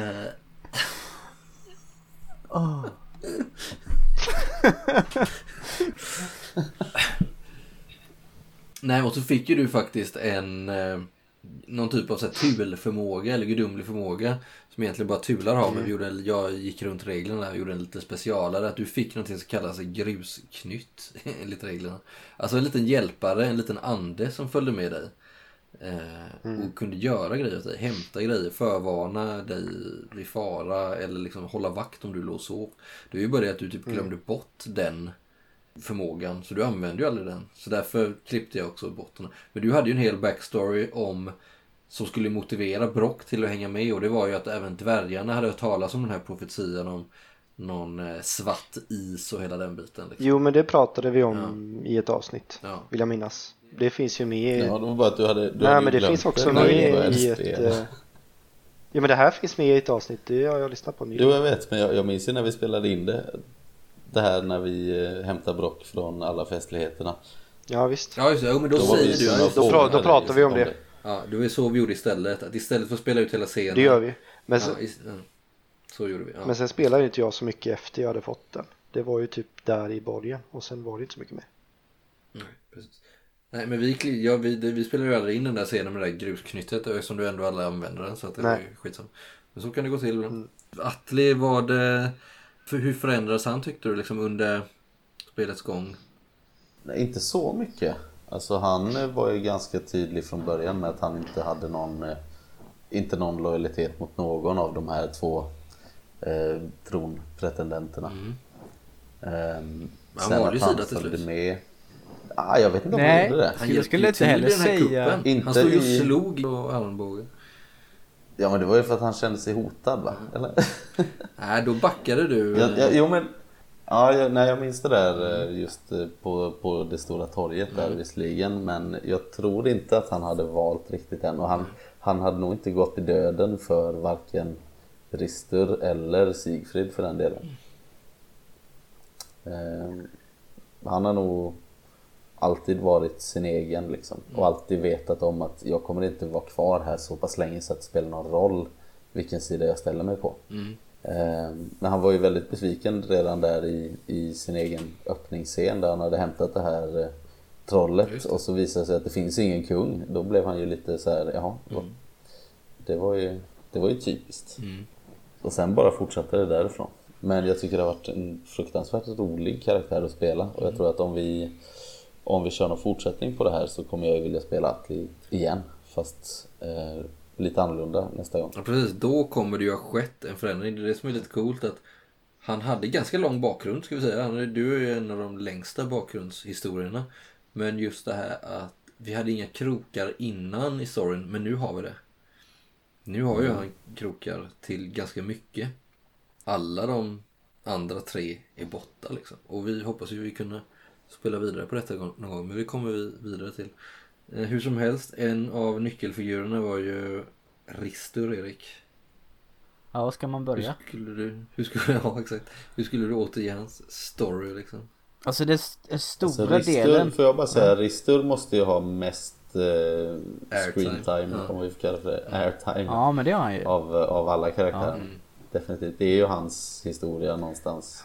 Alltihopa. Precis. Skymningshjäll var ju det nästan i ännu högre grad. Även om då var det nog lite så att vi alla fick ganska mycket. Men då spelar man på ett annat sätt för då spelar vi ju inte in det liksom på samma vis. Men även, alltså sen hela skymningsgäll handlade ju om att Ja då gick det, det är alltså ett skrivet äventyr till, till Trudvang.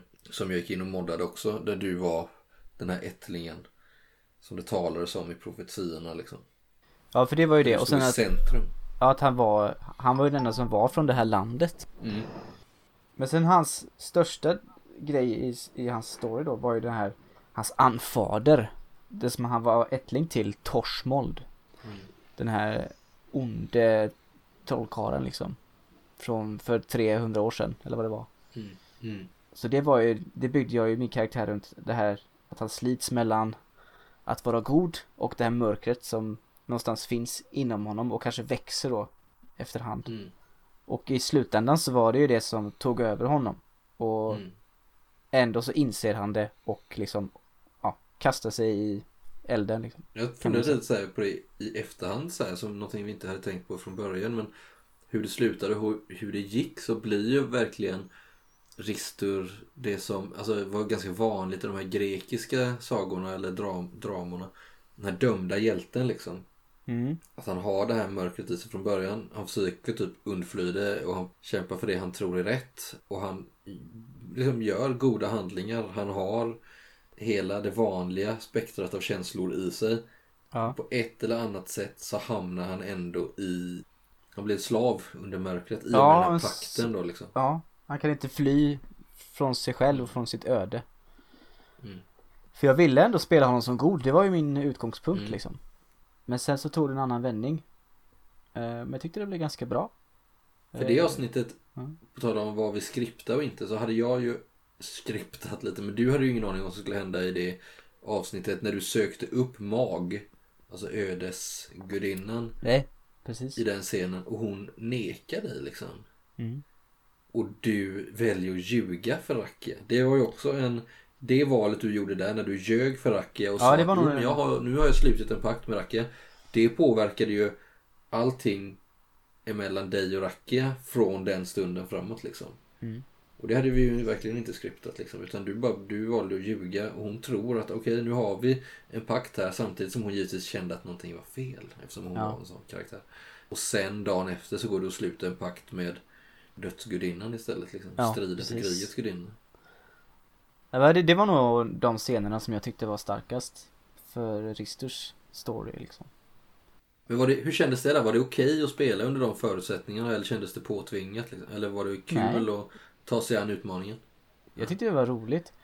Jag vet att vi fick någon fråga att eh, var, det, var det roligt? Det var ganska tunga scener emellanåt. Var det verkligen roligt att spela? Var det någon som skrev? Var det inte så? Så här skriver Magnus. Underhållningsvärdet som lyssnare är fenomenalt men då det oftast inte varit direkt lättsamt utan istället ganska tungt undrar jag om man som spelare egentligen haft så mycket spelglädje eller om man upplevt det mer som en teater än faktiskt underhållande. Eh, tolkade rätt, skriver han. Men ja. Alltså jag, ja, jag kan väl bara börja med att jag tycker väl att teater, det är väl lite det man gör. Sen, eh, Mm, det behöver inte alltid vara lättsamt för att man ska tycka att det är roligt att spela. Sen kan man ju spela som i vår kommande kampanj, eh, Rodrat som vi kommer släppa, där är ju mycket mer lättsam ton. Men det är Mm. fortfarande i Trudvang, det ju, har varit väldigt roligt att spela. Men efter vi var färdiga, jag vill sticka in här Erik, så sa du att jag vill nog inte spela en Ristu-karaktär igen. Inte Nej, nu i alla fall. För att du, hade, Nej. du tyckte, eller hur? Du tyckte liksom att det hade varit för tungt och för allvarligt och för mycket, inte mörker kanske, men typ, du förstår vad jag menar? ja, men det, det har ju varit en eh, att, väldigt mörk, dystopisk historia egentligen för honom, hans del. Och där har du ju förmodligen skälet till eh, den här karaktären. Den kommande är anti-. Antirister då. Alltså har man, har man gillat hur Erik spelar Ristur så kommer man ju älska hans eh, Gerard-karaktär. ja det är på en helt annan nivå, det är ju helt sjukt. Men jag skulle tro nog att även för, för egen del och kanske även er, er andra i gruppen också, liksom att vi gick ju direkt ifrån Trudvang in till eh, Roadrats och alltså jag kände ju också det att det var skönt att slippa det här gravallvarliga liksom. Och att man spelade ut karaktärerna på ett helt annat sätt. Nu låter det som att vi gör reklam och det kanske vi gör lite också. Men Roadrats har ju en helt annan ton. Den är allvarlig också emellanåt men en, alltså där är vi ju mer estradörer i vårt eh, rollspelande kanske. Än vad vi är i det här allvarsamma eh, Trudvang. Jo men i din väg så har ju de flesta, i din väg har de flesta en personlig anknytning till story. Vilket de inte kanske har i Roaderat som vi spelar sen då. Hur menar du? Personligen? Jo men som Ristus karaktär, alltså det är ett helt annan vikt bakom storyn. Ja precis, ja du menar precis att i Roaderat så är man mer anlitade utifrån och har lite mer men det var ju det sen vi kände senare, nu börjar vi prata om Raderat istället, men vi, vi försökte ju åtgärda det senare i kampanjen när vi kände att det blev för mycket distans mellan karaktär ja, det är och sant, äventyr. det är sant. Men det kan vi ta eh, om ett år när vi har släppt hela Raderat. Mm. Gick det som ni förväntade er den någorlunda, eller hur var det att spela er rollpersoner så mer känslomässigt? Simon, om vi börjar med det. Jag tycker att Ravan som karaktär utvecklades väldigt mycket mer sen vi började senaste gången så att säga än de gånger vi hade innan. Fattar du vad jag menar? Är det mikrofonens förtjänst eller är det något annat? Nej, alltså jag menar mer även innan vi började podda. Alltså mm. de mötena vi hade liksom innan dess. Men givetvis tror jag... Tror, ja, men för Ravan... Så tror jag att... Om jag bara får säga, jag kommer ihåg, jag kommer ihåg när vi började spela med Ravan och Kreontan och då var Ravan väl... Alltså vad ska man kalla en typisk Simon-karaktär. Mm. En lite drömsk eh, smygande pilbågsfigur mm. liksom. Men han fick ju väldigt mycket mer djup sen när kampanjen gick framåt. Precis. Han började ju med liksom, ja, han var ganska platt mm. egentligen. Det, han hade ju inte upplevt någonting, han hade bott på den här gården. Mm. Han var visserligen halvalv och, och smög runt med sin pilbåge och tittade på stjärnorna. Men det var liksom det. Sen har det ju blivit, blivit väldigt mycket mer men det är kul att börja med en karaktär som är, som är nästan som ett oskrivet blad ja. liksom. Som, som sen utvecklas allt eftersom och det kan man ju bara göra om man spelar så pass länge med den. Det är svårt att, svårt att göra om man, om man kör ett, ett engångsäventyr på liksom 3-4 spelmöten. Då finns ju inte den möjligheten. Det är väl lite som i, som i nu när vi ändå pratade om Road Rats. Då har vi ju allihopa ganska tydliga karaktärer från start liksom. Och det, det, är väl delvis för att vi visste att nu kör vi den här grejen och sen kommer vi inte, kommer vi inte spela de här karaktärerna igen. Det är ganska viktigt att ha dem klara från början. Liksom. Mm. Men eh, jag som ändå har varit med och, och fått träffa Ravan gång efter gång efter gång med olika karaktärer. Mm. Nej men då har det ju blivit att man eh, Han har ju blivit annorlunda mm. hela tiden. Fan, det, ju... det känns ändå som en ganska, en ganska trovärdig utveckling. Liksom. Att han har gått från den här eh, gårdspojken eh, till någon typ av krigsman och sen vidare till Solfurds eh, högra hand. Mm. Ja, vilken klassresa egentligen. ja, lite grann. Men och sen det här, det här avslutet i, eh, på vägen ut från, eh, från dödsriket också. Nu ska vi kanske inte spoila om någon skulle vilja lyssna på vi det. Måste kunna prata om vi måste kunna prata öppet om ja. Nej men det det är ändå jävligt, eh, det är ändå jävligt snyggt att han byter, alltså att han byter plats med sin syster där. Även om jag, jag såg inte att den grejen skulle komma överhuvudtaget. Mm. Det var lite... Hade ni haft någon, alltså något försnack om det eller någon typ av... Eh, hade Ravan fått någon typ av vision eller något om att Nej. hon... Jag hade ingen aning om det så jag blev ju jävligt ställd till att börja med. När eh, Adam bara slänger in. För att jag tänkte ju någonstans att ja men shit, nu är vi verkligen, där är utgången, nu kommer vi ut ur Helgard liksom. Det var min tanke. Och så får man den jävla eh, knytnäven rätt i ansiktet liksom. För jag... Nej det var faktiskt jävligt otippat för vi har ändå i alla fall innan vi började podda så reflekterade ju Ravan väldigt mycket över vad som har hänt med hans familj och sin syster och sådär liksom. Och hade drömmar om det och jävla massa grejer liksom. Så det kanske inte framgår så tydligt i det vi sen poddade att han har ändå oroat sig väldigt mycket för vad som har hänt med hans familj och särskilt då sin syster som man ser som liksom det mest oskyldiga som finns. Så att hon stod där, det var en jävligt så jävligt ovärdigt slut men jag älskar det på något sätt. Mm. För att ja, Ravan förtjänar så mycket bättre egentligen. Men det är det någonstans gillar med det. Att, här, du, blev, du blev inte hjälte, eller han, han var ju ett hjältedåd han gjorde men det är ju ingen som kommer uppmärksamma det för att han bytte bara plats med sin syster i dödsriket liksom. Precis. Det är ju inte värdigt slut men det gör honom ju kanske på något sätt till en bättre karaktär. Ja, alltså jag älskar det. Jag menar mer med värdigt slut är att han kommer upp och räddar världen som man så här, trodde kanske skulle hända. Nej men det var ju lite det jag tänkte att, och därför jag gav dig ett val i den scenen också. Liksom att så här, ja, hur gör du nu då? Du vet typ att din option ska dö nu liksom. Nu har du ett val att antingen göra det här. Men samtidigt verkar det vara ett extremt lätt val för dig att göra det. För det du egentligen tvingades göra det var ju att välja mellan henne och Solfull. Mm. Det var lite så jag tänkte. Och också henne och Elfrid. Ja, och det. Sen visste ju inte du att du eh, Nej, precis. Hade... skulle få ett barn. Jag valde ju att spela som att jag inte fattade det. Eh, Eller att Ravan du inte fattade det. men- Eh, att. Elfride var gravid liksom när han begav sig från Angerboda. Eh, för, det, för det är lite sån han är som karaktär. Han läser inte av såna Mm. grejer liksom. Eh, så hade han vetat det kanske det hade blivit annorlunda. Men jag valde ju att inte Mm. spela det så liksom. För att, eh, Frågan är om det hade gjort eh, i efterhand känner jag det kanske jag borde ha låtit dig veta tydligare för att valet skulle bli ännu svårare. Mm. Jo men jag tycker det blev jävligt... Nej jag tycker det blev jävligt bra Det som det elakt. var liksom. Eh, eller som det blev. Men det är också så här lite, på tal om eh, Ravan, att det blir också så här lite, som du var inne på nu, eh, nästan oproportionerligt att just det här, hans tankar och hans oro för hans syster hade varit liksom centralt ledmotiv för honom rakt igenom. Varje gång han hade lite så här downtime eller vad man vill, vad man vill kalla det så var det ju tankarna på det liksom, hur gick det nu? För att han lämnade hemmet precis innan kriget och sen hamnade hela hans hemland i krig. Och han har aldrig fått veta hur det gick med hans familj. Men han har haft mörka drömmar om det och mörka varsel. Men hela tiden har ju du haft förhoppningar om att jag kommer återse dem igen liksom. Så av den anledningen blev det så att du, du själv har nästan gått ifrån det eller glömt de här tankarna just nu då. Men du har haft det hela vägen fram tills nu. Men det var väl det jag kände hade varit en eh, rimlig cirkelslutning för Ravan ändå. Och just det här att du inser då att träffar du henne i dödsriket så har ju hon dött. Sen vet du inte hur eller hur det har gått till. Ska vi prata om det eller ska vi lämna det o, o, det lämnar vi. oförkl- oberättat? Ja. Ja, Varför hon är där liksom. Ja. Hon har ju dött i alla fall, sen hur hon har dött. det- Jo, jo, men att hon har hamnat i, i Helgard betyder ju också att någon har satt henne där. För annars hade man väl hamnat i... Nej, hon berättade ju själv att det var någonting med Faustrik ju. Mm. Och att han hade gett sig till att göra någon pakt.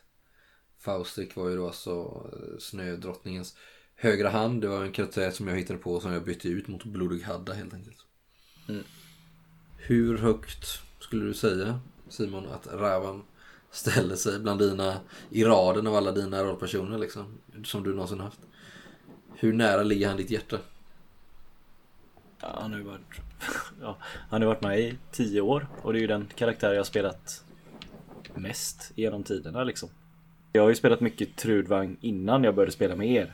Men jag kan ju säga att vi hade ju en helt annan bild i den spelgruppen om, vad, om vad, hur den världen såg ut. Eh, än, vad, än vad vi har. Och, och Ravan var ju den första av mina karaktärer i den här typen av Trudvang som jag tycker är ja, den bilden jag egentligen kanske haft genom åren. Men när vi spelade med den andra gruppen så var det mer ja, lite lättsammare och lite så här, det var inte så mörkt och det är det jag gillar med Trudvang. Att det är, att det är mörkt och det är smutsigt och det är ja. Medan vi kanske spelade lite mer happy fantasy innan liksom. Så Ravan är den första i den typen av rollspelssammanhang egentligen. Jag känner som spelledare att jag har liksom så här på ett sätt lite förlorat en eh, vän. Vad jag? Jag har hållit Ravan i handen under väldigt lång tid för jag har alltid vetat att han är trogen den drivande SLPn i storyn liksom. Eh, Så på det viset så blir det ju, men inte bara rent speltekniskt, det är inte så, så kalliant ut utan det känns ju verkligen som att man eh, det är en liten era som går i graven med, eh, med Ravan. Mm, jo men det är det ju. Men det tror jag är ganska nyttigt också. Jag tror inte det hade gett så mycket att spela tio år till. Nej men det är ju därför jag gillar den här grejen med transcend, när man transcendar liksom att man, nu är han, han eller hon klar liksom, nu går man vidare. Eh, Martin, med Brock, känns det som, alltså är du nöjd med honom eller känns det, finns det någonting du skulle vilja ha gjort annorlunda så här i efterhand? Det här var ditt första fantasyäventyr. Nu när du har Ja. fått mer känsla på vad det är för typ av spelvärld och vad det är som står på spel. Han har en ganska så här lättsam inställning till det mesta samtidigt som du beskriver honom nu som extremt deprimerad.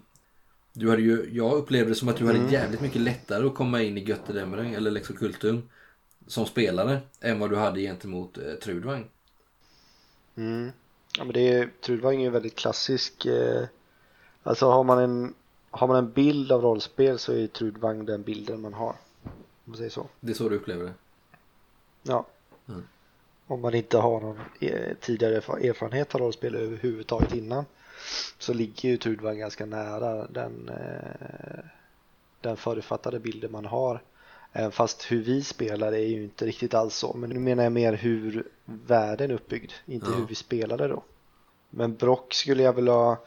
Jag kanske skulle ha, om jag hade spelat honom igen så skulle jag ha spelat honom lite annorlunda. På vilket sätt? Med tanke på att han förlorar sina bröder men kanske hittar en ny brödraskara.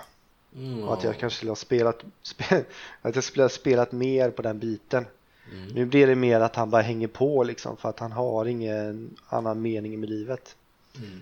Men eh, man skulle kunna ha hittat eh, någon drivkraft där faktiskt. Eh, Daniel, vi var inne på det att ganska jävligt intressant det här med att eh, Simon som har spelat Ravan i hundra år så har ju du däremot bytt karaktär. Alltså, du har ju det, du har ju det draget ändå att du gillar ju att hitta på nya karaktärer och vill ju av den anledningen ofta byta karaktär, eller hur? Men det känns som att Atli känns det som att du är sugen på att spela vidare med. typ. Ja, men det är just det. Atli har ju inget, Atli har inget riktigt bagage som håller honom knuten till en viss plats eller till en viss person eller till ett visst uppdrag eller någonting sånt. Utan han är liksom fri att färdas ut och göra vad han vill. Nu har han ju fått en koppling till Svartmundor efter allt vi har spelat här. Mm. Men eh, jag, jag skulle jättegärna spela vidare med honom eh, i någon utsträckning senare.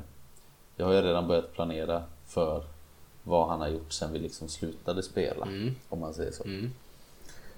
Eh, och det skulle vara jättekul att, att plocka upp det spåret igen. Särskilt då i och med att då kommer ju, som du sa tidigare, att då, då kommer ju Atli bli någon typ av eh, central karaktär i nästa del av, av den här berättelsen så att säga. Mm. Eftersom han är den enda som är kvar efter, eh, efter din väg. Precis. Ska vi se, vi har två frågor här från Magnus om vi går vidare innan vi avrundar. Eh, han skriver något jag saknar då är en ordentlig epilog över vad som faktiskt skedde i det ursprungliga fokusområdet Angarboda och Sigfrid. Han lämnades lite vid sidan efter att ha varit en spelmässig favorit. Synd, men vad var, fär- vad var vägen framåt för honom? Och så skriver han också i sista äventyren blev många någon typ av ödestyngd hjälte som delvis motiverade sin, sina val genom saker, familjer, pakter som skett innan denna kampanj. Det blev lite märkligt men kan ni inte köra en kampanj som ledde fram till detta? Rister eh, hade exempelvis mycket bagage. Alla hade bra bakgrundsstory som man gärna hade förstått bättre säger han. Ja, det är lite tråkigt då Magnus att vi, vi har ju redan spelat allt det här Ja. Fast vi har inte spelat in det. Eh, Så vi, vi kommer ju inte Vi kommer ju inte spela det en gång till. Nej precis. Utan eh, det är lite, det är lite nackdelen med hela din väg nu Mm. att vi, vi hade hunnit spela så mycket innan vi kom på det här att fan vi spelar in detta. Mm. Ehm, Så det, det är lite synd, man kastas in i en pågående story vilket, Mm. vilket kan vara jättekul som lyssnare eller så kan det vara lite frustrerande Mm. för att det dyker upp nya saker hela tiden som vi kan prata med varandra om men som lyssnaren inte egentligen har någon koppling till överhuvudtaget. Ehm, Men det man kan säga som är lite positivt då det är att de grejerna vi har spelat in efter detta, alltså Raderats, Oktoberlandet, vad har vi mer? Hade vi något till? Ja, vi kör ju lite syndafloden också på sidan. Syn- Syndafloden, jo men alla de här grejerna har vi börjat spela in från liksom första spelmötet. Det som vi släpper härnäst kommer ju vara med liksom en tydlig start och ett tydligt slut och man kommer inte in mitt i utan man får uppleva precis samma saker som vi har spelat igenom tillsammans. Eh, Så tyvärr får vi säga vi kommer inte kunna vi kommer inte kunna släppa någonting om eh, de här karaktärerna om vad som hände innan din väg. Nej. Men, eh, men vi har åtminstone bättrat oss med, med det som kommer efter nu. Precis, och det är ju där det alltid blir en så här jobbig liksom avvikande. Vad ska man välja? Vad går först? Liksom, vårat roliga rollspelande, det vi gör som kompisar. Eller podcasten liksom. Och någonstans valde vi att ja, vi, vi vill ju spela färdigt Dimväg. Eller vi vill ju spela färdigt den här kampanjen. Ska vi då släppa det eller inte? Jo men det gör vi. Det kan nog bli ballt liksom. Det finns en hyfsat ambitiös prolog. Jag vet inte om man får ut så mycket av det. Men det, det, där, där man går igenom, där vi går, försöker gå igenom en del liksom, av det som har skett hittills. Och det har jag försökt göra i nu, nu ikväll också. Men eh, nej, som sagt det är ju inte möjligt att vi gör någon typ av eh, Atli Begins. Och jag tror inte det skulle ge så mycket rent. eh, Nu tänker jag Alltså ett lyssnarvärde kanske det ger någonting men jag vet inte om vi skulle vara så Så eh, Motiverad. engager, engagerade eller motiverade i det för att så här, Vi har ju redan gjort den grejen liksom så att Ur ett lyssnarvärde så absolut men Jag tror Det skulle inte vara så roligt att lyssna på för det skulle vara lite halvhjärtat liksom Mm. Eh, Och sen kan jag, sen kan Det jag som, gilla som eventuellt skulle vara möjligt är om vi skulle skriva ner det istället. Så att Mm. de som verkligen vill kan gå in och läsa. Det Lite mer. skulle ju vara ett alternativ om någon orkar göra det.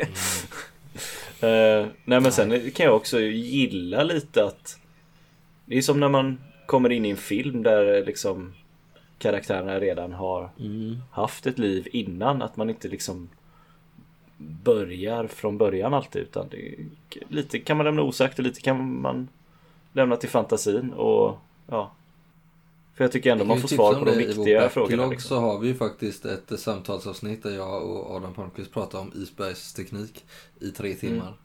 Eh, Slår han lite det vi håller på med. Man kan se det lite som en Heming, ett Hemingwayskt experiment. Eh, och när det kommer till just Sigfrid där så var det ju lite det vi har, alltså en epilog, jag försökte göra en epilog där med tretand i det sista, alltså inledningen i det sista avsnittet. Där man får veta vad som har hänt i staden och lite hur det har gått till. Samtidigt kände jag att jag kunde liksom inte sitta och prata hur länge som helst heller. Och att jag också ville väl, eh, jag valde att lämna det lite till fantasin. Samtidigt som jag trodde inte på att det skulle bli så bra podcast liksom att sitta och babbla om allt som har hänt i Angaboda. Utan att jag sa det viktigaste försökte jag göra. Och sen att resten får vara kanske lite oklart. Eh, men just det där då att Sigfrid när han försvann så fick Tretand gå in och följ, alltså, ta rollen som kameran inne i Angarboda så att säga. Eh, och det som hände med Sigfrid var ju då som sagt att han eh, fick ihop det med eh, Idun. Som, och det var ju också någonting som absolut inte var planerat från början utan det baserades ju på valen och lyckade och misslyckade försök ifrån Ristur där egentligen. Eh, hade han eh, lyckats bättre i sina förhandlingar med Idun så hade nog inte detta skett. Samtidigt så visade det sig att Idun var isdyrkare Vilket eh, kanske inte var tanken från början. Men det blev en eh, cool eh, plot twist tänkte jag. Hatar isstyrka alltså. Och utan att avslöja alldeles för mycket så kanske även Sigfrid, om man inte har förstått det innan, så kanske han också har fått viskningar. Han har haft vissa drömmar. Och där han drömmer om lindormar och så vidare. Där han tror att det är mag som talar till honom men det kanske är någon helt annan som talar till honom egentligen och manipulerar honom. Vem vet? Livisika. Kanske. Eller vad kallar vi henne? Valsinka? Eller Valsinke. Klipp. Eh, Innan vi avslutar så tänkte jag att vi kan summera det här lite med lite, ja men, eh, favorites liksom. Hade ni, hade ni några favoritscener för era rollpersoner? Hade du någonting, Ravan? Ja. Eh, jag gillade scenen eh, eh, nere i katakomberna när vi blev överfallna och precis efter Solfud har övertalat Ristur att följa med i det här i det här projektet som är att hämta tillbaks Mirja då. Så blev vi ju överfallna av av av eh, Lindgästerna. gastarna. Ja. Lindgästerna. Jag gillade hela den scenen och sen gillade jag Ja men att man kunde se sin Sin idol eller vad man ska kalla Solfulf Som Att han, att han blöder också liksom. Eh, Det var ju rätt mäktigt liksom. Mm. Med tanke på att Ravan har stridit i sida vid sida med honom i mycket värre situationer än den och det var Aldrig blivit coolt. Eh, nej men precis. Eh, så det var en stark scen så. Och sen gillar jag ju Ravan och Elfride-scenen på sängkanten. Mm. När Elfride gång på gång försöker liksom hinta om att någon, svar. Ja. Ja, dels det och hinta om att någonting är annorlunda och Ravans liksom smått autistiska drag gör att eh, han absolut inte uppfattar det men lyssnarna uppfattar det, uppfattar det. Och det kan jag tycka är en ganska, ett ganska snyggt... Ja, Tänk- men det är tänker du på ganska- kyrkscenen nu eller tänker du på sängscenen? Sängscenen Ja, främst. mm. Så det är ett, det är ett snyggt, Mm. snyggt eh, grepp på det. Att lyssnarna förstår mer än vad rollpersonen förstår. Eh, Mm. Och om jag ska ta andra karaktärers favoritscener och inte bara mina egna så måste jag väl säga att Sigfrids alla skuggspel var jävligt spännande att lyssna på i efterhand i alla fall eftersom man inte hade någon aning om det. Man, man såg viss ibland resultatet av det men man såg aldrig vad som ledde upp till det. Och det var jävligt spännande att lyssna på för att det blir som att Jag trodde jag visste allt om det vi har spelat igenom men uppenbarligen inte liksom. Mm. Eh, jag får bara flika in där. Det, var ju det, det har ju varit en av mina, alltså nu när vi fått lite frågor om hur pass regisserat och sådär det varit. Så det har ju varit en av mina största drivkrafter med det här projektet. När det har känts jobbigt och det har varit mycket att klippa och allt sånt där liksom. Att, att få visa er, särskilt alltså du, och Erik då Simon, ni har ju varit de som har lyssnat på det mest. Men sen nu senare på senare tid även Martin och Daniel då. Men så att få visa er, vad hände där när ni, när ni inte var med? Och liksom se era reaktioner på det. Och det har vi också märkt i de här chatttrådarna. Mm. Liksom så här, vad, vad fan, vad fan, vilken idiot. Och liksom så här, hur ni har uttryckt genuina känslor till höger och vänster över det som utspelas. Det har ju varit extremt roligt att få följa. Mm. Ja, och, liksom. Och det leder väl in på en fråga vi har från Willis. Mm. Eller Willis. Eh, om vi ska ta den direkt när vi Kör. ändå är inne på det ämnet. Mm. Eh, han undrar hur det fungerar i vår grupp när våra rollpersoner är i konflikt. Spiller det över i våra verkliga relationer eller håller ni det strikt spelmässigt och njuter av rollerna?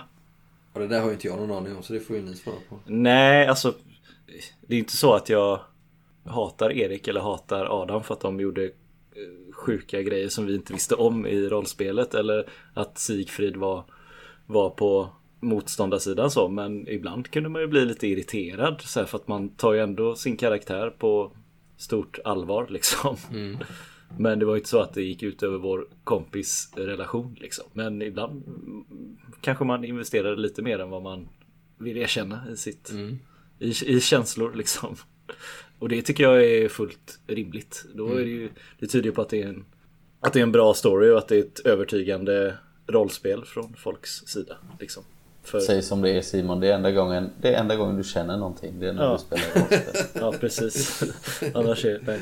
nej men liksom varken Adam eller Erik är ju onda personer så de gestaltar ju sina karaktärer ganska väl. Hur känner du då Erik? För du har ju också eh, För du har ju varit en av eh, de En av de mest stridbara personerna i det här dramat liksom. Men vi har ju samtidigt inte haft så mycket konflikter direkt med varandra. Sigfrid och Risters konflikt var ju ganska indirekt hela tiden.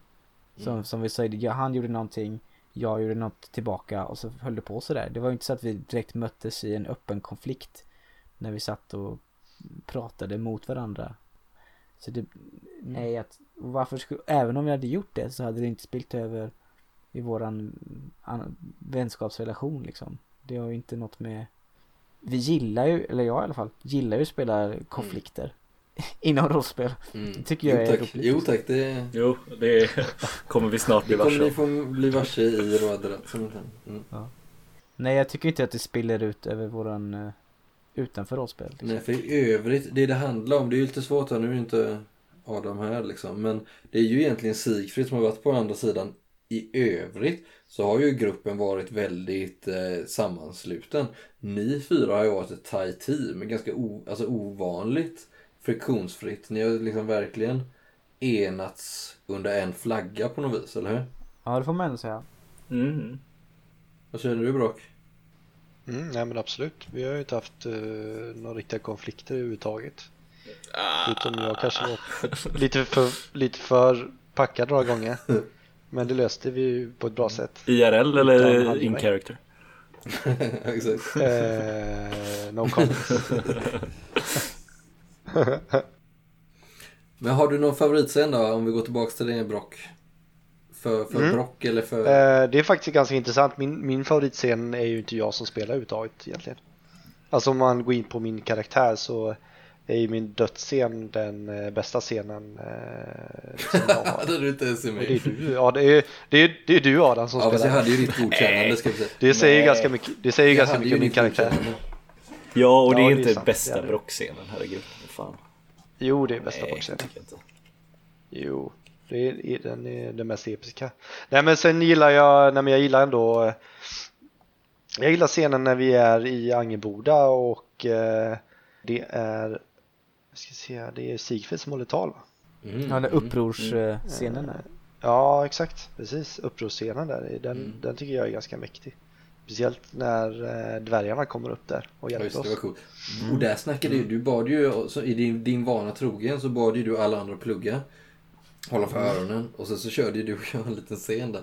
Eller en, en snabbt utbyte när du bad om tillåtelse att dvärgarna skulle komma upp. Och då hakade jag ju på med en gång och tyckte det var asfett liksom. Så det blev ganska mäktigt när de kom där. För de hade ju verkligen en särställning i staden. Mm. Men sen övrigt så eh, de två sista avsnitten är ju eh, rätt eh, episka med allt som händer där. Så att jag, jag kan inte välja någon särskild scen där utan jag säger helt enkelt de två sista avsnitten. Det är nog bland det bästa jag har lyssnat på i rollspelsväg. Det var ödmjukt. Ödmjukt va? Vad tycker Jag du då, där, Daniel? att- Jag var ju inte med där så jag kan ju säga det ärligt. Ja okej, ja, du du är fin. Vad säger du då Daniel? Favoritscen? Och, Med eller Ja. utan Atli eller båda? nej, men jag har två stycken med Atli. Mm. Eh, Den första är egentligen öppningsscenen. Ja den var grym. Och den skapade du ju helt själv. Ja, nej men den, den satte verkligen karaktären Mm. direkt liksom. Att här har vi en, en handlingskraftig äventyrare som verkligen vill göra sitt avtryck på världen liksom. Mm. Ehm, och jag tyckte att den, eh, den blev jävligt snygg och sen när vi återkom till det igen och skämtade om att vi skulle släppa lös det där troll, äh, ja, det där trollet. eller mata någon till det eller vad vi Jag tror till och med Atle gick och satte sig där och pratade med trollet vid något tillfälle senare ett par avsnitt efter liksom. Den var jävligt cool och sen var det en scen till som jag Eller ett samtal egentligen Som jag hade glömt bort som jag fick ja, Som jag kommer ihåg nu när jag lyssnade på det igen och det är när Ristur och eh, Atli är nere i Dödsriket och pratar om det här med Vitner För Atli har ju, det kanske inte framgår så tydligt Ja, det är lyssnarna, Tunkur, eller? ju, det, Nej det är senare Jag tror det är Tunkern. Eller var det Ja, det kanske var i Tunker, förlåt. Men eh, det är då, eh, det är väl då Atli Det förstår det här med eh, Vitner vävande. Han har ju hela tiden haft eh, en tanke om att det är den här draken Glimifrost som eh, han och hans klan tillber då. Att det är, det är draken Glimifrosts andedräkt som hjälper honom att bli liksom snabbare och starkare i strid och sådär. Men att det samtalet kommer nog göra mycket för Atlis framtida utveckling sen. Så även om, även om scenen i sig inte, inte är så fantastisk att lyssna på och kanske inte är så jätteviktig så, så formar det nog mycket av den framtida Atli sen som vi kommer träffa på. Förhoppningsvis när vi spelar nästa gång.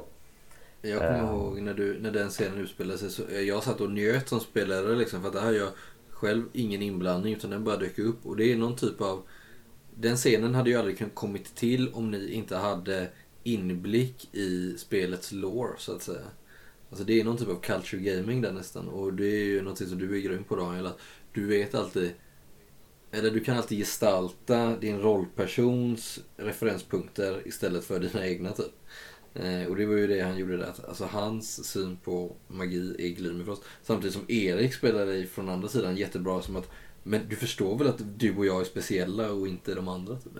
Eftersom vi kan, ja. vi kan hantera vitner. Ja. Eh, och där det spelade igenom. Det är underbar scen.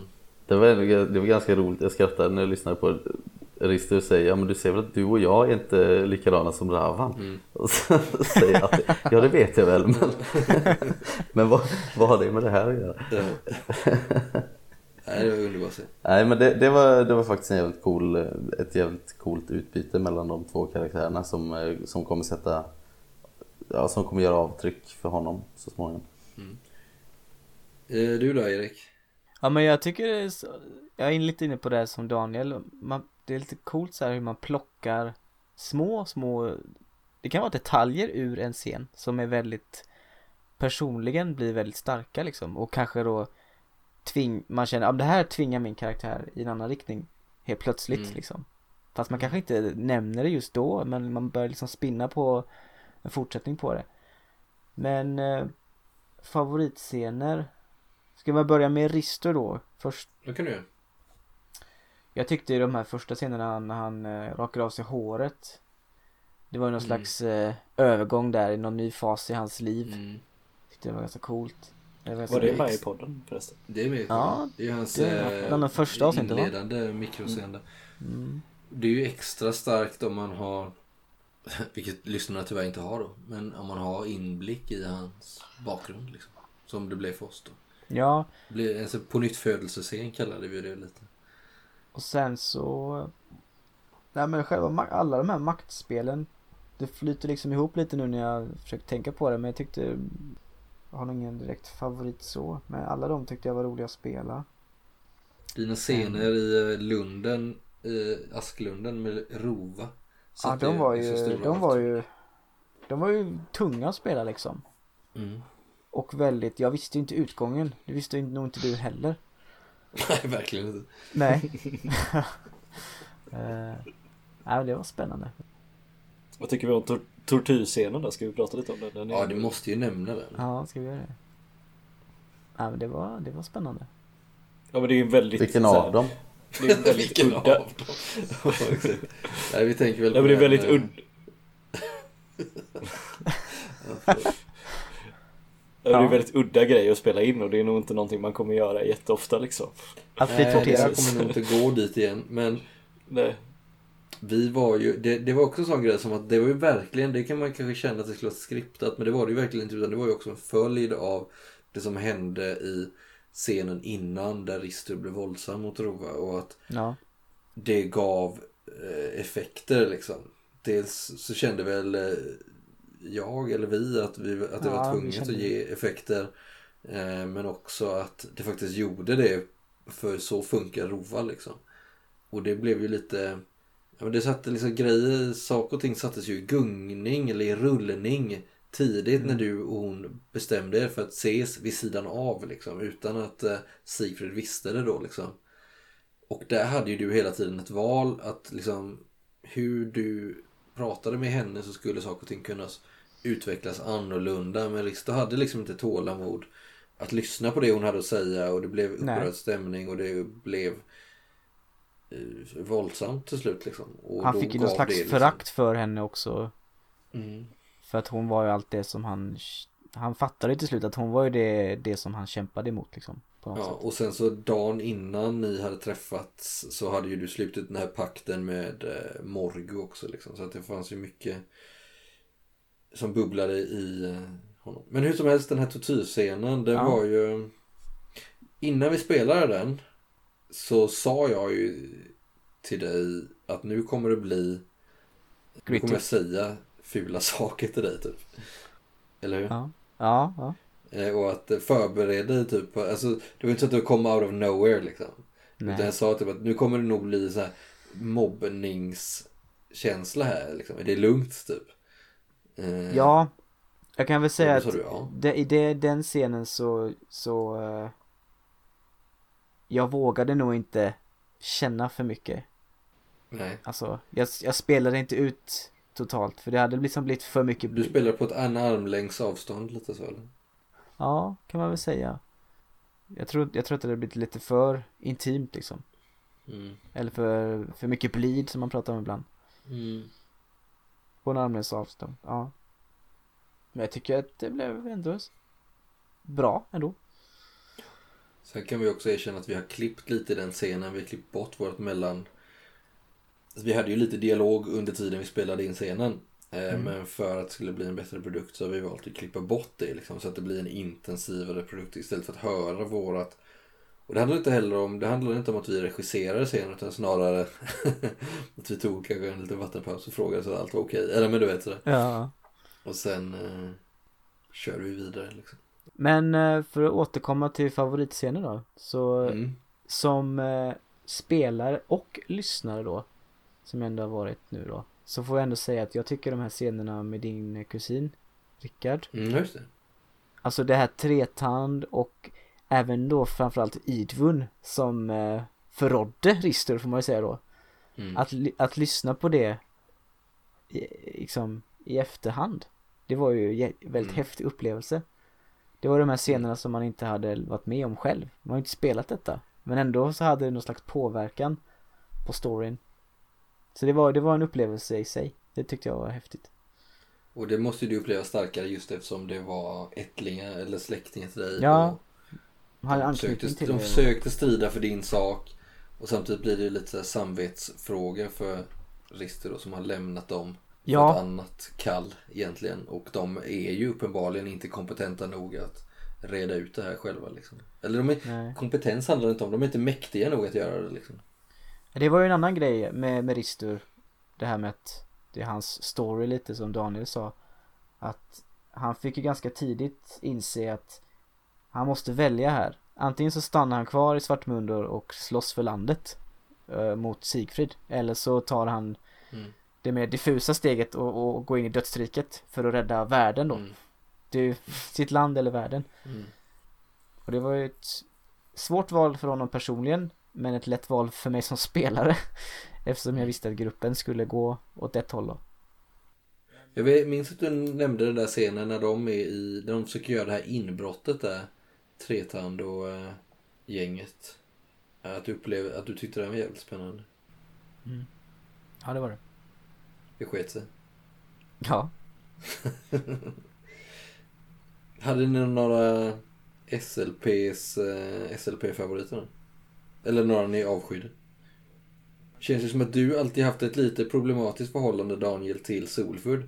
Ja, ja, Atli ville nog aldrig ställa sig under hans befäl så att säga. Eh, De är ju så... Alltså på något sätt så är de ju varandras motsatser.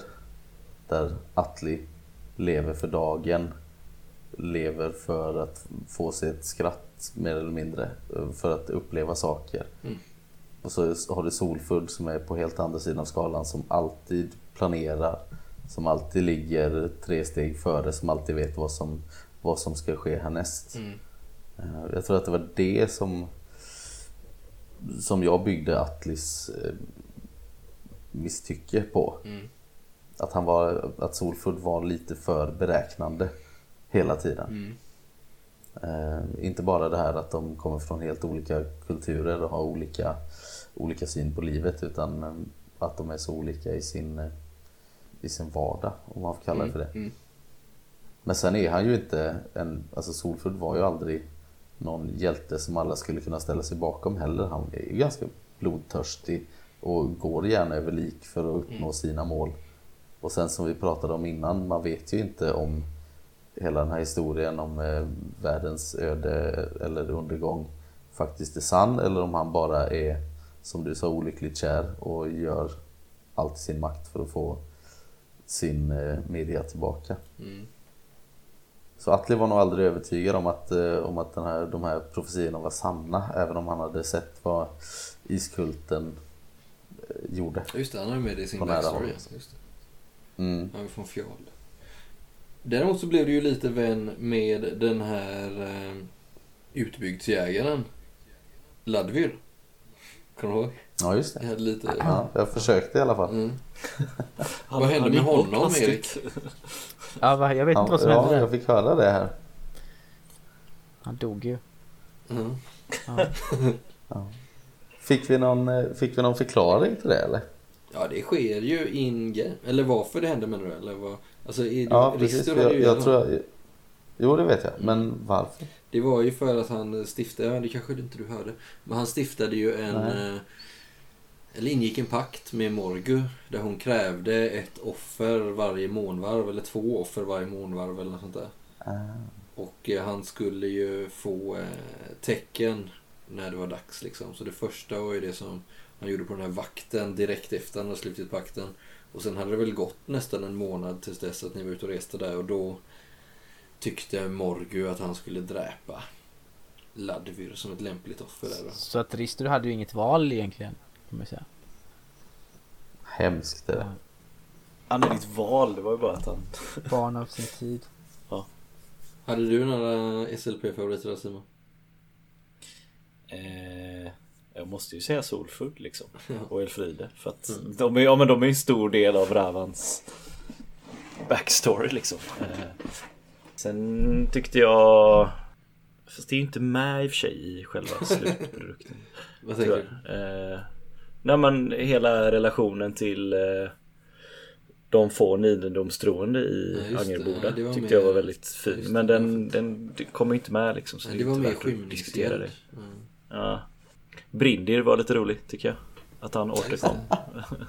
eh, Jag på mig alltid så... lite elak mot dig Daniel när Brinder dök upp faktiskt. Ja, och det Ja, var så jag förstår det för jag, Du- jag tyckte det var så opåkallat. Jag vet. Ja men det kändes ju lite synd om honom hela tiden när han dök upp också för han var ju bara Ja En liten Han var ju så misslyckad. som, ja. ja jo men faktiskt liksom och så ja. Nu kom jag på en, eh, nu har jag inte sagt så mycket om mina favoriter men jag kom faktiskt på en Nej. SLP nu, eh, Out of the Blue, som det verkligen var synd om och det är ju Ugor. Om ni minns Ja, honom. Eh, Det var det ju verkligen synd om. Jovos farfar eller vad det var som hade blivit fast i dödsriket. Eller kommit därifrån ja, och ja, sen ja. Mm. när han väl dog så hade han blivit inlurad dit igen på något jävligt Nej det var ju jättehemskt. Det ödet. Han frågar ju er uttryckligen om ni inte kommer stå i vägen för att han ska komma till Otva om han Ja. visar vägen. Ja. Och han visar er vägen. Och så, Ja. Det var väl Och inte det värsta. Rister gjorde kanske. Jag vet inte. Nej men jag kommer, Men, alltså, han var en ja. favorit för mig liksom. Hans Mm. Extrema jävla ångest att sitta i det här jävla dödsriket. Och när han äntligen har en liten, liten lucka att komma därifrån så. Och efter er pakt också så gjorde han ju det ni hade bett honom. Men ni höll inte ert löfte liksom. Nej. Nej det var Jävla så. synd om honom. Men jag kan väl dra mina två favoriter. Ja, ja, ja, säg det. Att jag gillade ju Gvindra väldigt mycket. Som var i Angelboda. Som Mm. eh, dels hjälpte Rister, sen förrådde honom och sen hjälpte honom igen. Eh, Hon Mm. jobbade väl lite åt Rova kan man väl säga också. Henne Men- fick ju du hitta på själv ska jag säga. Det är inte Ja. min, hon är ju inte min skapelse utan det är ju din skapelse. Men du gestaltade ju ändå henne. Ja, jag spelar ju henne sen. Jag tycker hon var väldigt, eh, hon var en stark karaktär. Mm. Med ganska, ja men vi fick ju inte veta så mycket om hennes bakgrund ändå. Men för mig personligen tyckte jag det var, det var väldigt eh, Men du kan väl spännande. berätta? Du vet ju. Du kan ju berätta för lyssnarna. Eh, ja, nej, vad ska man säga? Hon, eh, hon hade väl aldrig känt så starkt band till ättlingarna. Som hon, Hon var ättling själv. Ja, hon var ju det, men hon var ju liksom lite utlämnad då i borgen. Ja, Hon hade väl kommit till Angaboda i unga år och sen så fått tjänst där redan som liten flicka efter att hennes Ja. föräldrar hade dött. Hennes typ farsa hade väl haft ihjäl hennes morsa och varit ett svin och sen blivit mördad själv eller Så något. hennes lojalitet mellan ättlingarna och eh, Rova Ulster släkten då var ju ganska kluven. Kan man väl Ja, säga. verkligen. Plus att de då ha, hade ett förflutet av, av eh, misshandel och en dålig uppväxt. Våldsamma män. Ja, våldsamma män. Ja, så kommer Rister in i bilden. Det Mm. gör det inte bättre liksom. Så hennes, eh, hon fick ändå göra ganska svåra val liksom. Det märktes ju. Hade du en till sa du? Ja, och det är väl Narfi då. Som är en liten sorg Ah. för mig personligen. För jag gjorde väl honom till en slags nemesis. När vi träffade honom första gången. Ja, väldigt tidigt. Det var väldigt tidigt. Då var han en, var han en alv eller en människa? Jag minns inte riktigt. Han var människa. Människa, men han utgav sig för någon slags bestiarie. Ja, alltså grejen var ju att vi kan säga det att in, innan Rister blev god vän med allihopa så ljög ju Rister för allihopa och Ja. påstod att han var någon han inte var. På grund av att han var, du var ju på flykt ifrån Angaboda och från Sattmundor. För att Ja. du visste ju att Dogol, den här gamla uh, vitnevävan, han var ju på jakt efter dig för att du var ett hot mot honom. Mm. Så du hade ju liksom flytt ifrån eh, Ifrån Betlehem, äh, jag menar ifrån uh, Svartmundor. För att uh, Men nu- undkomma. Men det var en annan lögnare vi pratade om och det var ju Narfi Ja precis, men poängen var ju att han kopierade ju din lögn. Mm. Eh, Precis. Och anledningen till det var ju att han, Narfi var ju då Nifelfang. Men jag fattade ju personligen liksom att det var något fel med honom liksom. Ja, det gjorde det. Ja. Det är det Direkt. som är gött. Jag kände ju det liksom. Mm. Så du, du var ju emot honom hela tiden. Hela tiden ja. Men sen fick jag, då- sorgen i det ligger ju att jag inte fick möta honom i slutet då. Ja, just det, för du hade valt Blotheim. Mm. Ja. Han är ju, den karaktären är ju eh, tagen från, Mm. eh, slash inspirerad av en karaktär i Likstorm då. Kommer inte ihåg vad han heter. Men han heter något liknande tror jag. Men han hade ju också larger than life eh, Ja, precis. aura. Mm. Och det var ju det också att när ni var i eh, Fradkov, vilket var hans gamla hem, så var ju han i sitt rätta element. Och därför visste han allting, han kunde allting, han kunde prata med allihopa och ni märkte ju också det att han hade makt över allihopa där nere. Han kunde göra vad fan han ville liksom. För att de, allting som var nere i Fradkov kände ju hans rätta natur, även han hade människohamn liksom. Och i skymningshjälp så var det ju så att ni återsåg honom igen och då hade han blivit tillfångatagen. De hade hängt upp honom och tappat honom på blod för, och han dog liksom aldrig så de tappade, de hade ju någon blodskult där. Och det slutade ju med att han bad er om att eh, skona honom genom att hugga huvudet av honom. Och det gjorde ju du Atli. Och det tjänade ju hans syften för då kunde han återvända till till Helgar då. Han är ju en odöd drake liksom. Och där träffade ni honom igen. Det var lite coolt. Är det någon som inte har sagt, har du sagt eh, några favoriter Martin? Nej, jag satt och funderade precis på det om jag hade några favoriter. Det har du inte. Eh, Har du några du hatar? jävligt, det lät jävligt dumt det där. Eh, jag, jag skapade ju några favoriter själv faktiskt uppe i Lydborgen där. Under kanske en 20-årsperiod. Eh, när jag eh, hade en, eh, en liten fest helt enkelt. A-laget där. Inte så liten va? Mm. Mm. Eh, som Jag kan var, fortfarande inte komma eh, över att du sa att det skulle vara några gycklare från Borg. Det är inte så trevligt. Ja. det förstörde min inlevelse totalt. Både när vi spelade och sen igen när jag hörde det på inspel. Ja ber men det var någon gycklare från Borg. Ja, det blev för mycket medeltidsvecka och för lite truva. Ja. Mm. Mm. Så där eh, hade jag väl en 15-20 karaktärer som vi aldrig fick eh, träffa Det är i jävla bra. game. Din, din favoritscen med brott var den där du inte var med och dina favoritkaraktärer var 20 pers som heller aldrig var med. och de karaktärerna du sörjer med är dina bröder som inte heller var med. Mm. Nej, det är bra. Mm. Ja. Snack, det här är ett gammalt bak, bakland. Isberg. Mm. Ja, vandrande det är jävla isberg. isberg överlag i hela den här dimvärlden. Mm. Hela tiden. Ja, fan vad härligt. Ehm. Men vad tyckte ni om eh, slutet då allihopa? Ni har inte nämnt det som någon av era favoritscener men liksom nu när ni har lyssnat på det och smält det och sådär liksom. Är det tillfredsställande? Ja, jag tycker älskade det. slutet. Eh, Det var, det ble- eh, som jag sa innan, det var ju fan eh, det bästa jag hört. Just det. Nej, men jag, jag älskar ju, jag personligen älskar ju sådana slut. När folk dör. Offrar Mm. sig för något annat liksom. Det är ju starkt. Eh, istället för att alla ska bara gå vidare på slätten och leva lyckligare alla sina dagar. Mm. Eller, Ja.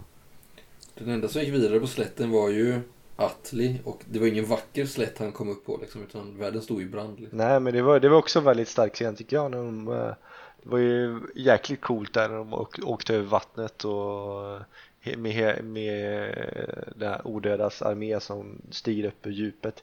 Det är Lite Game of Thrones där nästan. Och det blev ju en ganska mörk och dyster saga.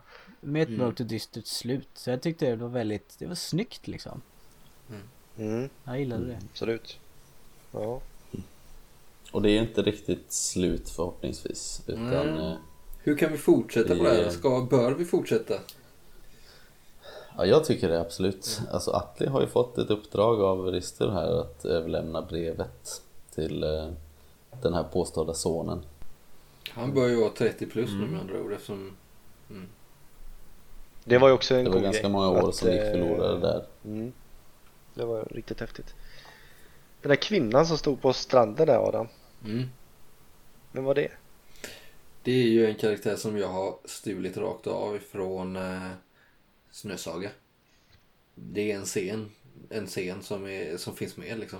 Så finns det andra grejer som jag valde att klippa bort ifrån den ursprungsscenen. Men just hon som stod där. Alltså hon är ju liksom många andra i dödsriket har en funktion. Alltså som någon typ av, kanske inte gud, men någon typ av, ska man säga väktare, odöd väktare. Alltså hon fyller en roll på samma sätt som Hilva då, alltså Simons, eh, Ravans syster, gjorde. Hon fyllde ju också en roll. Så det är väl lite oklart exakt vem hon var och det väl, så vill jag nog gärna behålla det.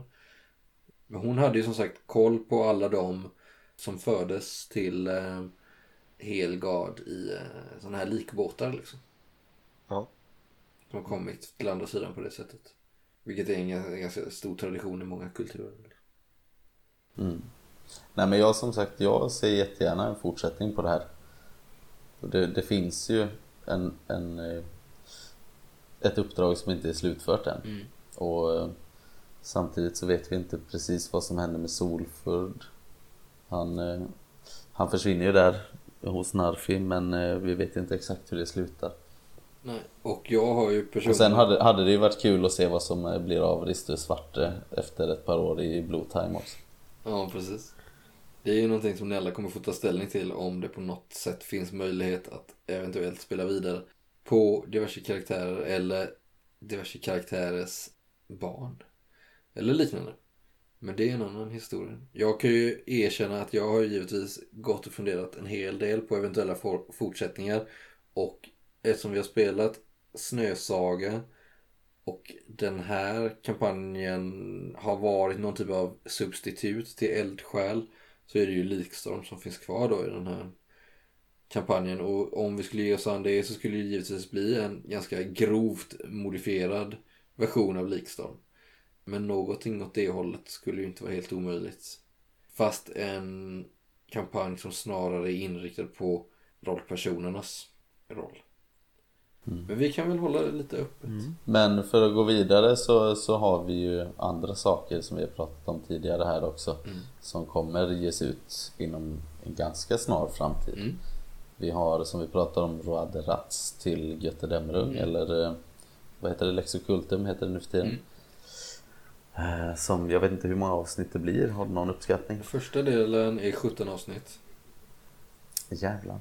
Sen är det Ja. två delar till som inte är lika långa men de kommer ju bli eh, tio, tio, minst 10. Men vi har ju spelat allt detta. så det Allting är färdigspelat och det ligger på redigeringsbordet. Liksom. Nej, men jag vågar nog säga att eh, Roade Rats kommer definitivt bli roligare för lyssnaren Ja. än Trudvang. Det här Din väg, även om Din väg har varit liksom stort och episkt så kommer Roade Rats vara lite mer, eh, som vi sa, lite mer uppsluppet och lättsamt och framförallt roligare att lyssna på. Alltså det kommer bjudas på en hel del skratt. Ja, det är alltså en underbar tidsepok och bara gå nuts i. Eh, väldigt bra kampanj också som vi har i princip inte moddat mycket alls förutom alltså själva karaktärerna där vi har fått hitta på dem själva liksom. Både SLPs och era då. Och där vi allihopa gick in med en helt annan alltså ton liksom. En helt annan Mm. inställning. Så att, Nu ska vi göra en helt annan typ av story. Ja. Det är en helt annan typ av story och den är mycket mer som sagt, den, är, den pendlar liksom mellan lättsam, allvarlig, spänning, skräck och sen så bara ren jävla idioti och galenskap ibland liksom. Så att den är ju super. Och så har Det vi kan vara värt att nämna också. Mm. Ja men innan vi släpper eh, Göt- Götterdämmerung här eh, så kan det vara värt att nämna att den var ju inte helt färdigskriven den här kampanjen när vi fick den i händerna. Nej. Utan det här är ju en del av ett speltest för Riot Minds egentligen. Mm. Så att man förstår att den, det som vi har spelat igenom kanske inte blir exakt som kampanjen som sen släpps eh, i tryckt form. För den har väl inte kommit ut än? va? Nej, och vi kanske tänker att vi väntar med att släppa kampanjen tills den är tryckt i släppt form. Eller tills den är Tryck, tryck i släppt form. Tryckt släpp. Tills den är tryckt. Vad fan? Tills den är släppt i tryckt. Släppt i tryckt form. Hur många glas är det nu? Nej, nu är fan flaskjäveln slut. Ja. Nej men just det, sen Oktoberlandet också. Om man har tröttnat på att lyssna på dig Adam Mm. eh, i tid och otid så, så kan man få höra min sköna stämma lite mer. I och med att det är jag som eh, kör som spelledare på Oktoberlandet. Eh, där har vi spelat igenom nästan hela första delen av eh, eh, den här, jag, jag tror att det är en trilogi. Eh, Men vad heter äventyret vi spelar? Tsarens röst heter det introduktionsäventyret. Som, eh, som vi som sagt nästan har spelat klart nu. Och eh, sen ska det visserligen klippas och, och bli färdigt. Men eh, det ligger inte så långt borta i alla fall. Om man sitter i Trudvang och råder ratt så brukar det ta ungefär ett år eller två. Från det att vi spelar tills vi släpper det. Men det är ju mycket kortare. eh, Men det har också varit jävligt roligt att spela. Det är också väldigt annorlunda från eh, både Trudvang och Rödrats. Det varit jävligt kul för mig kan jag säga att få spela. Och där har vi också ganska färgstarka karaktärer om vi säga det själva. Ja. Så vi eh, kommer snart tillbaka igen. Nu blir det nog ett par veckors uppehåll här innan vi släpper lös nya monster över er. Men vi hoppas att ni håller ut och att ni lyssnar på oss även i fortsättningen. Det har varit ett ganska långt eftersnack. Har ni någonting ni vill tillägga innan vi säger hej då? Ja, jag skulle vilja säga att det är Nej, jag skulle vilja väldigt säga tack, roligt. tack till dig Adam som ändå har roddat det här. Håll käften Erik.